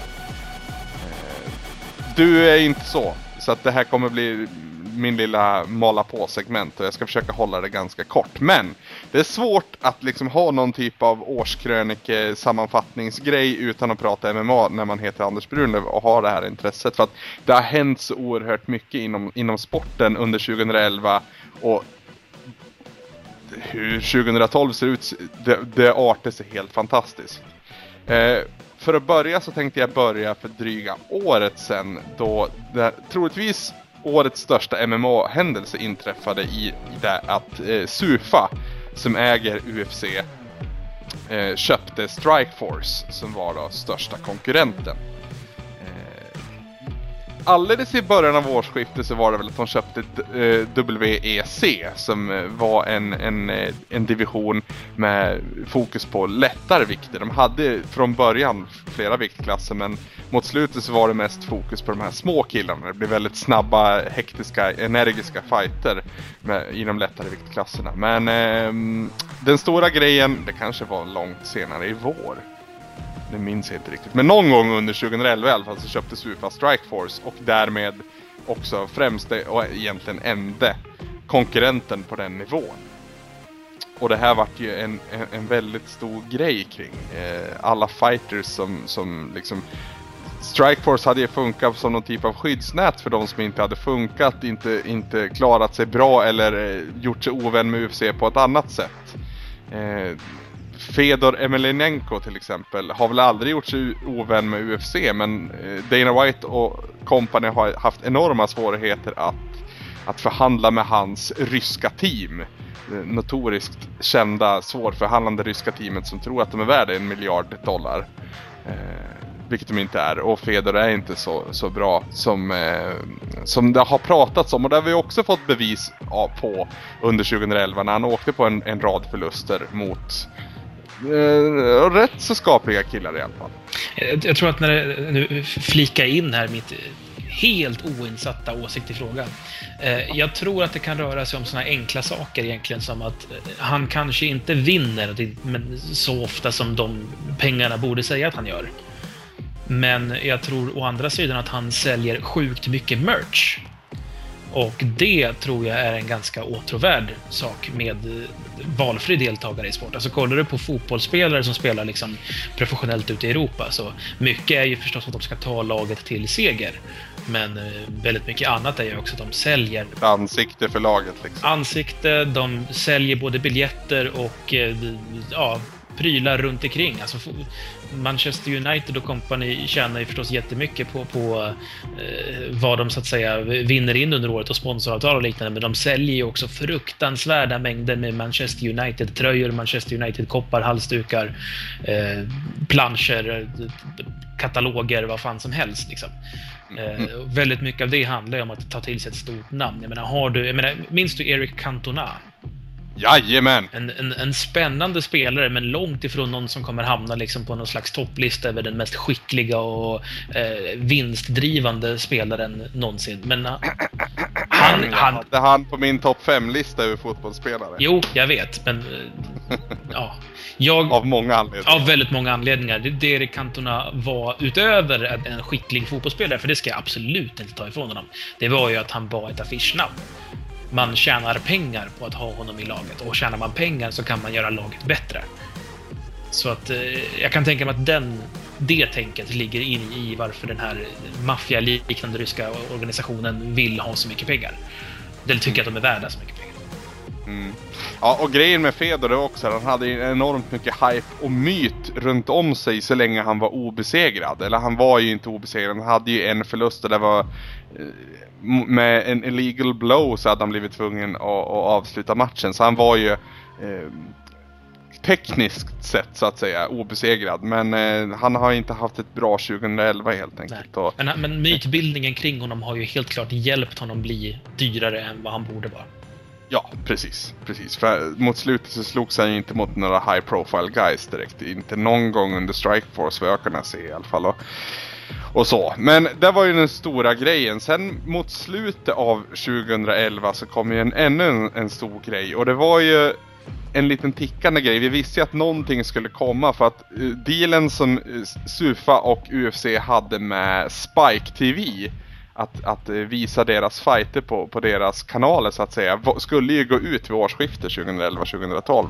Och någonstans under våren så la man också fram att man hade ingått ett partnerskap på sju år om jag minns allting rätt med Fox. Och eh, det är inte en sån liten eh, nät, eller, eh, kanalnätverk direkt utan det är väl så stort som man kan komma egentligen. Ja, det är Fox, eh, Showtime och HBO är väl de tre absolut största aktörerna.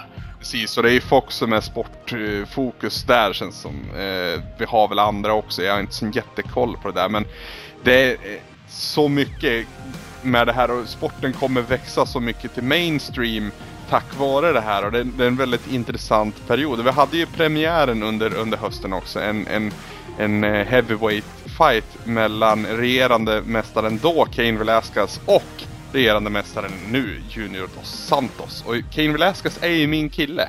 Jag har ju gillat han, han var ju obesegrad, han var ju också han som spöade på bluffen Brock Lesnar ordentligt och jag var så glad. Varför är Brock Lesnar en bluff? Brock Lesnar är en bluff för att han är en eh, WWE-kille, alltså fake brottning-kille Aha. från början. Han, han är en riktig brottning-kille också en gång i tiden. Eh, och eh, enormt jävla stor. Jag vet, vi kollar på den här matchen här. Samson. Jo, jag, jag Eh, minns att du pratade om honom.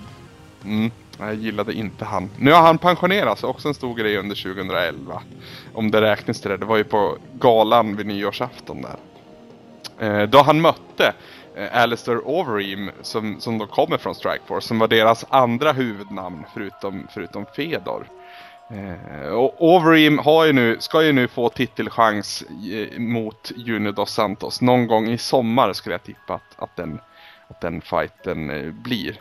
Eh, förutom de här stora grejerna så har det varit ett helt fantastiskt år med, med fighter också. Eh, några har jag nämnt, andra som jag kommer att tänka på är väl framförallt fighten mellan eh, Gray Maynard och eh, Frank Edgar. Två fighter faktiskt. För att den första fighten inträffar i, på nyårsgalan eh, förra året. Eh, alltså det, är ju, det har precis klickat över till 2011 och eh, regerande lättviktaren Frank Edgar, liten Jersey-kille som är... Eh, han, han, han droppar aldrig någon vikt inför en match. Han, han går omkring på den vikten han slåss så att säga eh, I den viktklassen. Eh, Medan andra oftast tappar 10 kilo, jag vet inte 10 kilo, jag vet inte men eh, många bantar ju ner sig ordentligt inför invägningen och sen går upp innan, innan fighten då. Man har ju en och en halv dag ungefär på sig och, och, och åter eh, återfylla så att säga vätskor och sånt. Mm. Det är väl det, man, det, är väl det här- man gör främst. Tömmer liksom glykogendepåer och vätskedepåer för att, för att nå en bra Precis. matchvikt. Liksom. Precis. Anthony Johnson, för er som har följt senaste galan, vet att han inte är så jävla bra på det. Han, han fick välförtjänt med stryk av eh, Vitor The Belfort. Eh, en annan historia. Tillbaka till Frank Edgar, Gray Maynard. Gray Maynard var den enda killen som hade spöat Frankie Edgar. Eh, back in the day. Sen hade Frank Edgar gått och vunnit bältet från BJ Penn och sen även fått en till fight mot BJ Penn för att folk ifrågasatte det.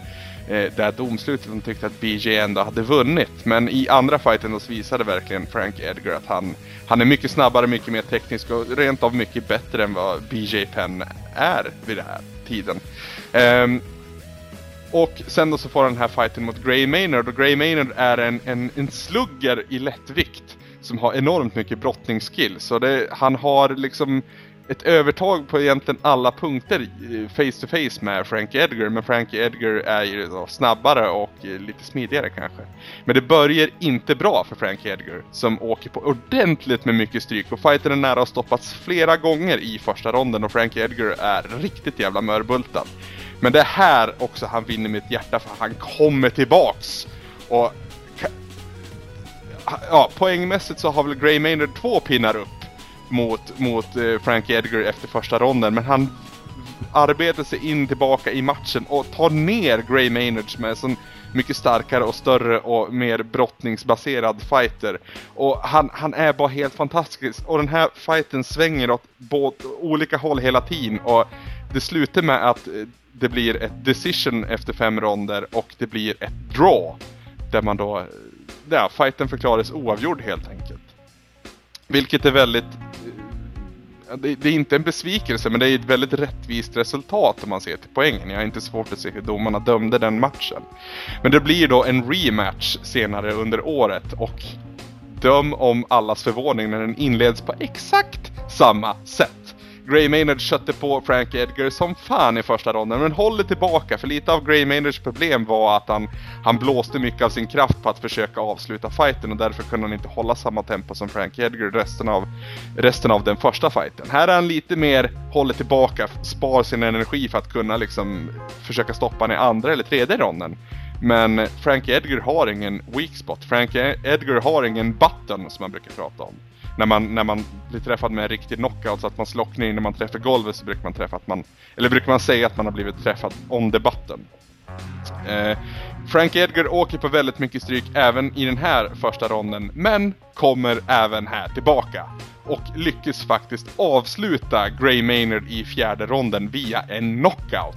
Gray Maynard har aldrig blivit knockad. Och han har framförallt aldrig blivit knockad eller ens fått tillstymmelse till stryk av en kille så mycket mindre än han. Jag älskade, jag älskar Frank Edgar för det här. För att han är verkligen en kille med hjärta som kan komma tillbaka. Det är liksom, han är Rocky i juniorformat. Det är fantastiska fighter framförallt för att det är så roligt. Det är lättvikt och det är inte den, den, lättaste vikten längre. Men det går ju väldigt fort, inte minst när Frank Edgar trampar på oss. Eh, fantastisk rörelse i både ben och i huvud och, och riktigt snygg boxning.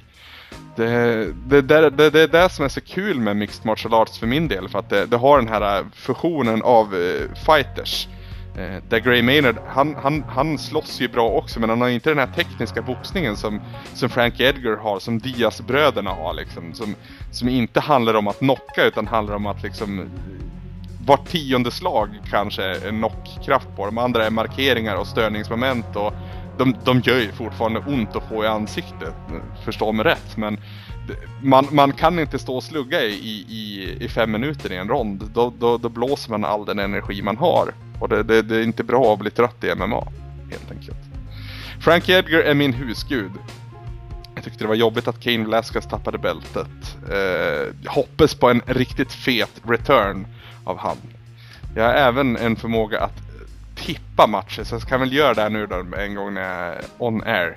Vi har ju några riktigt intressanta matcher på, på gång här. Vi har ju ett interimbälte när GSP är skadad. Då skulle jag tro att Nick Diaz vinner där trots allt att Carlos Condit har enormt imponerande resumé. Så tror jag Nick Diaz är för för bra reach, för bra teknisk, för svår att komma in på så att säga för Carlos Condits bästa. Kan ha fel, Eh, sen skulle jag jätte, jättegärna se en fight mellan Strike, före detta Strikeforce, eller han är väl fortfarande Strikeforce, eh, Josh Barnett och Frank Mir. Frank Mir kommer väl troligtvis behöva ta en fight emellan för att Josh Barnett ska ju slåss i finalen i heavy, he, tungviktsturneringen i Strikeforce först. Eh, Frank Mir bröt för övrigt armen på en kille i hans senaste fight. En väldigt imponerande comeback där också. Han får jättemycket stryk, eh, går ner på marken och ser ut att vara knockad men får tag i ett ben och får ett one-leg takedown. Och han tar ner en kille som är notoriskt känd. Notoriskt känd, sen, säger man så? Kanske. Ökänd kan man säga. Ja men han, han är extremt känd för att vara enormt skicklig i jiu-jitsu-gamet liksom. Men det är eh, Frank Mir också och det blir en riktigt imponerande fight på golvet där det slutar med att han till slut bryter, bryter armen av Nogera. Eh, och eh, han, han, han säger på presskonferensen efter att han inte vill riktigt berätta hur han känner för att folk skulle anklaga honom för att vara psykiskt störd då. För att han myser för mycket i att just han lyckades bryta armen på honom. Men det, jag, jag bara spånar på här och jag känner att jag har noll liksom håll, grepp om, om vad som händer egentligen. Men roligt år för, för Mixed Martial Arts och inte minst spännande inför 2012.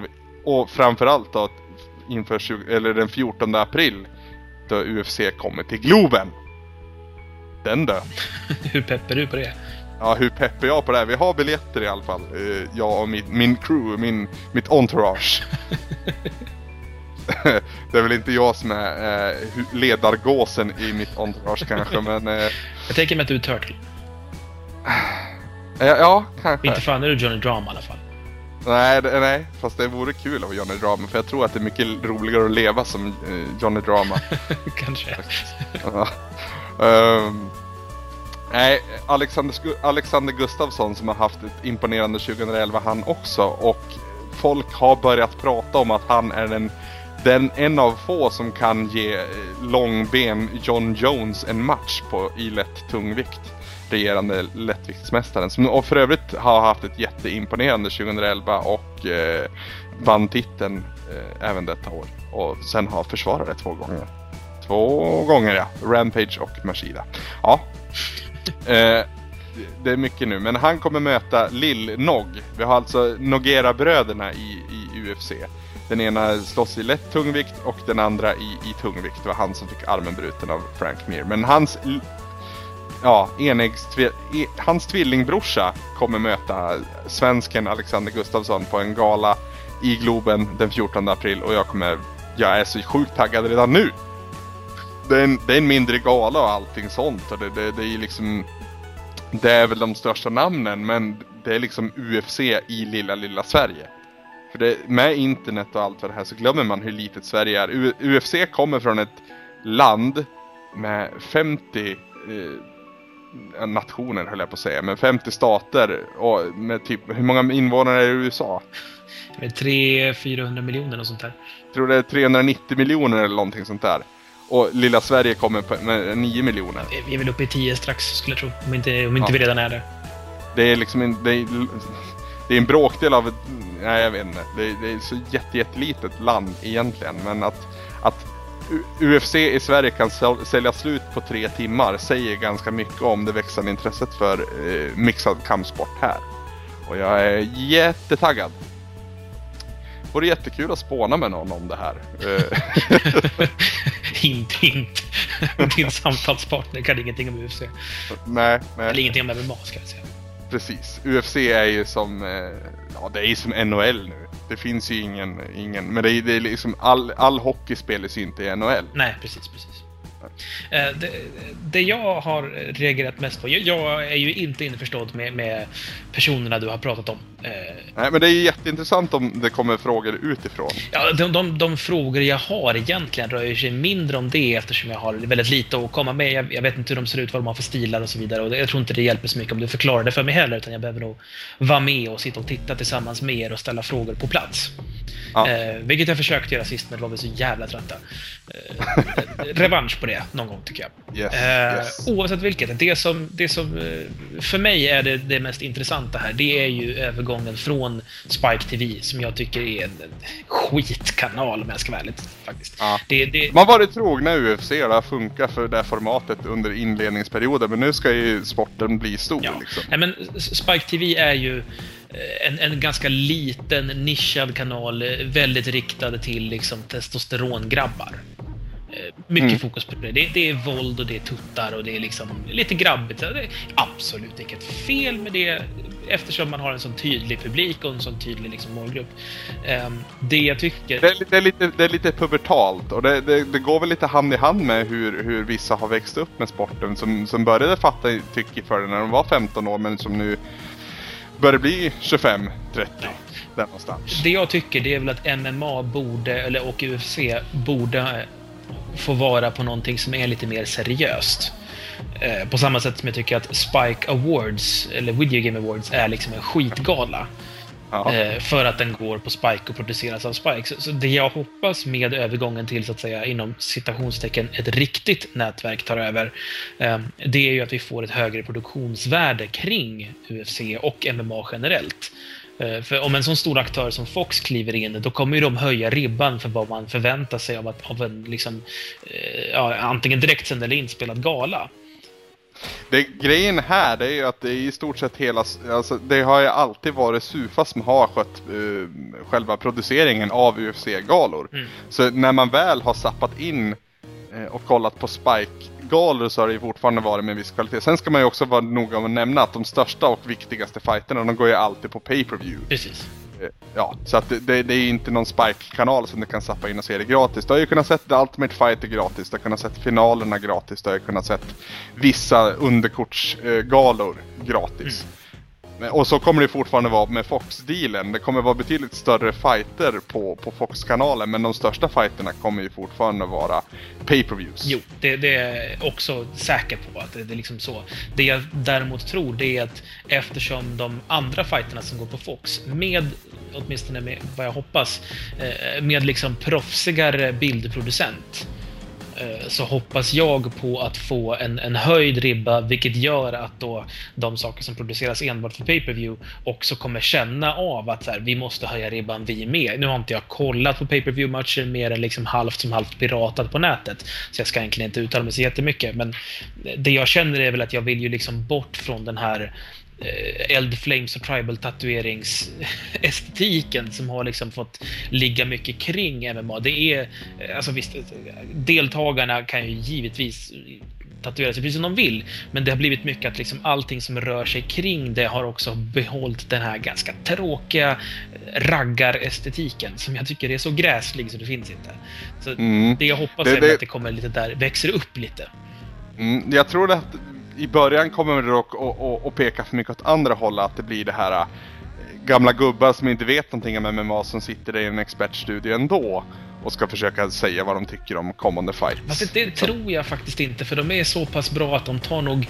De som gör bra ifrån sig nu, som är liksom bra människor att jobba med, kommer antagligen få kliva upp en extra nolla på, i slutet på lönen och, och jobba för Fox. Det är, Mm. de, de har inte för vana att ta liksom, ja, motsvarande Ashton Kutcher, fast sportkommentator, och slänga in honom i ett sammanhang för att han är en kändis. Jag hoppas verkligen att Joe Rogan får fortsätta som e- e- expertkommentator i alla fall. För den killen, han, han kan prata för det första. Han är, det är han som är programledare för eh, Fear Factor. Eh, han är extremt insatt, har även hållit på med sporten. Eh, och kan prata och kan väldigt, väldigt mycket om sporten som stort. Så han känns väldigt trygg som, som expertkommentator. Ja, han, han, Goldberg, hans, hans wingman, skulle man kunna byta ut känner jag, rent spontant. eh, kul trivia om, om Joe Rogan. Mm. Eh, han är ju skeptiker, som, som säkert många känner till. Han är... Eh, han är många saker här i världen, men han är också en månlandningsförnekare. Okej. Kul detalj. Eh, men, men ja, eh, det, Han är, I samband med det här så är det väl värt att nämna också att han är väldigt förespråkare för fri marijuana. Så att det, det, jag vet inte om han har, han har diktat ihop det här under. Han, är, han, är, han har varit ganska out, outspoken om att det är rätt okej att röka gräs. jo, han, han har många åsikter åt många olika håll.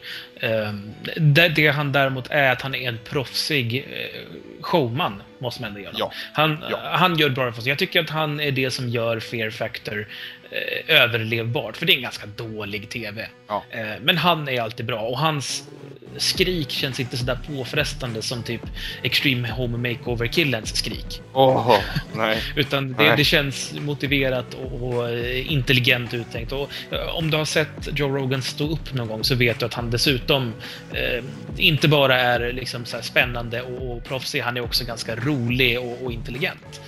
Mm. Och det, det syns ju definitivt när, man ser honom kommentera. Nu är ju inte jag särskilt insatt, men jag hör ju på honom att det finns mer än vad jag förstår där. Mm. Ja. Nog om Joe Rogan, men ja, ehm, flytt Nog om MMA känner jag väl rent spontant. Det, det jag vill poängtera är att flytten till Fox hoppas jag blir vändpunkten som gör att dels att sporten växer upp, men också att den eh, hittar en mycket större publik som inte bara är eh, ursäkta uttrycket, eh, de här grabbarna som liksom har följt det via Spike och eh, pay-per-view. Utan att det, det kan bli lite mer. Förhoppningsvis. Nu, nu ska man inte snofsa till det och göra det till tråkgolf bara för att det liksom ska bli fint. Utan behåll det som är bra, men ta bort det som faktiskt inte är det. Det är väl vad jag skulle råda dem till. Gud, vilken jävla plattityd. Det är som att säga typ Ja. undvik att dö och, och döda fienden till någon som spelar tv-spel. Lev väl. Liksom. Ja. Nej, fuck it. MMA. Eh, 2012 låter ju som att det är fyllt av spännande upplevelser för de som följer det. Och jag som inte följer det ska göra mitt bästa för att eh, förstå mig på och komma in i den här världen. Och du får gärna hjälpa till, Anders. Ja, grejen är ju att jag har ju en tes om att MMA som sport lämpar sig bra för spelintresserade. Och jag vill liksom bedriva någon typ av forskning som försöker bevisa detta. Och jag har, jag har försökt börja skriva på en text som är långt ifrån klar. Men jag ska försöka lägga ut någonting nu under första delen av 2012. Så får vi se om jag lyckas fånga några på min MMA-krok.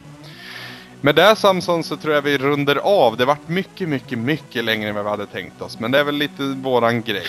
Eh, Som det alltid är. Ja, precis. Så med det så får vi väl tacka för idag och så hörs vi imorgon. Och det ni lyssnade på nu, det var bara skitsnack.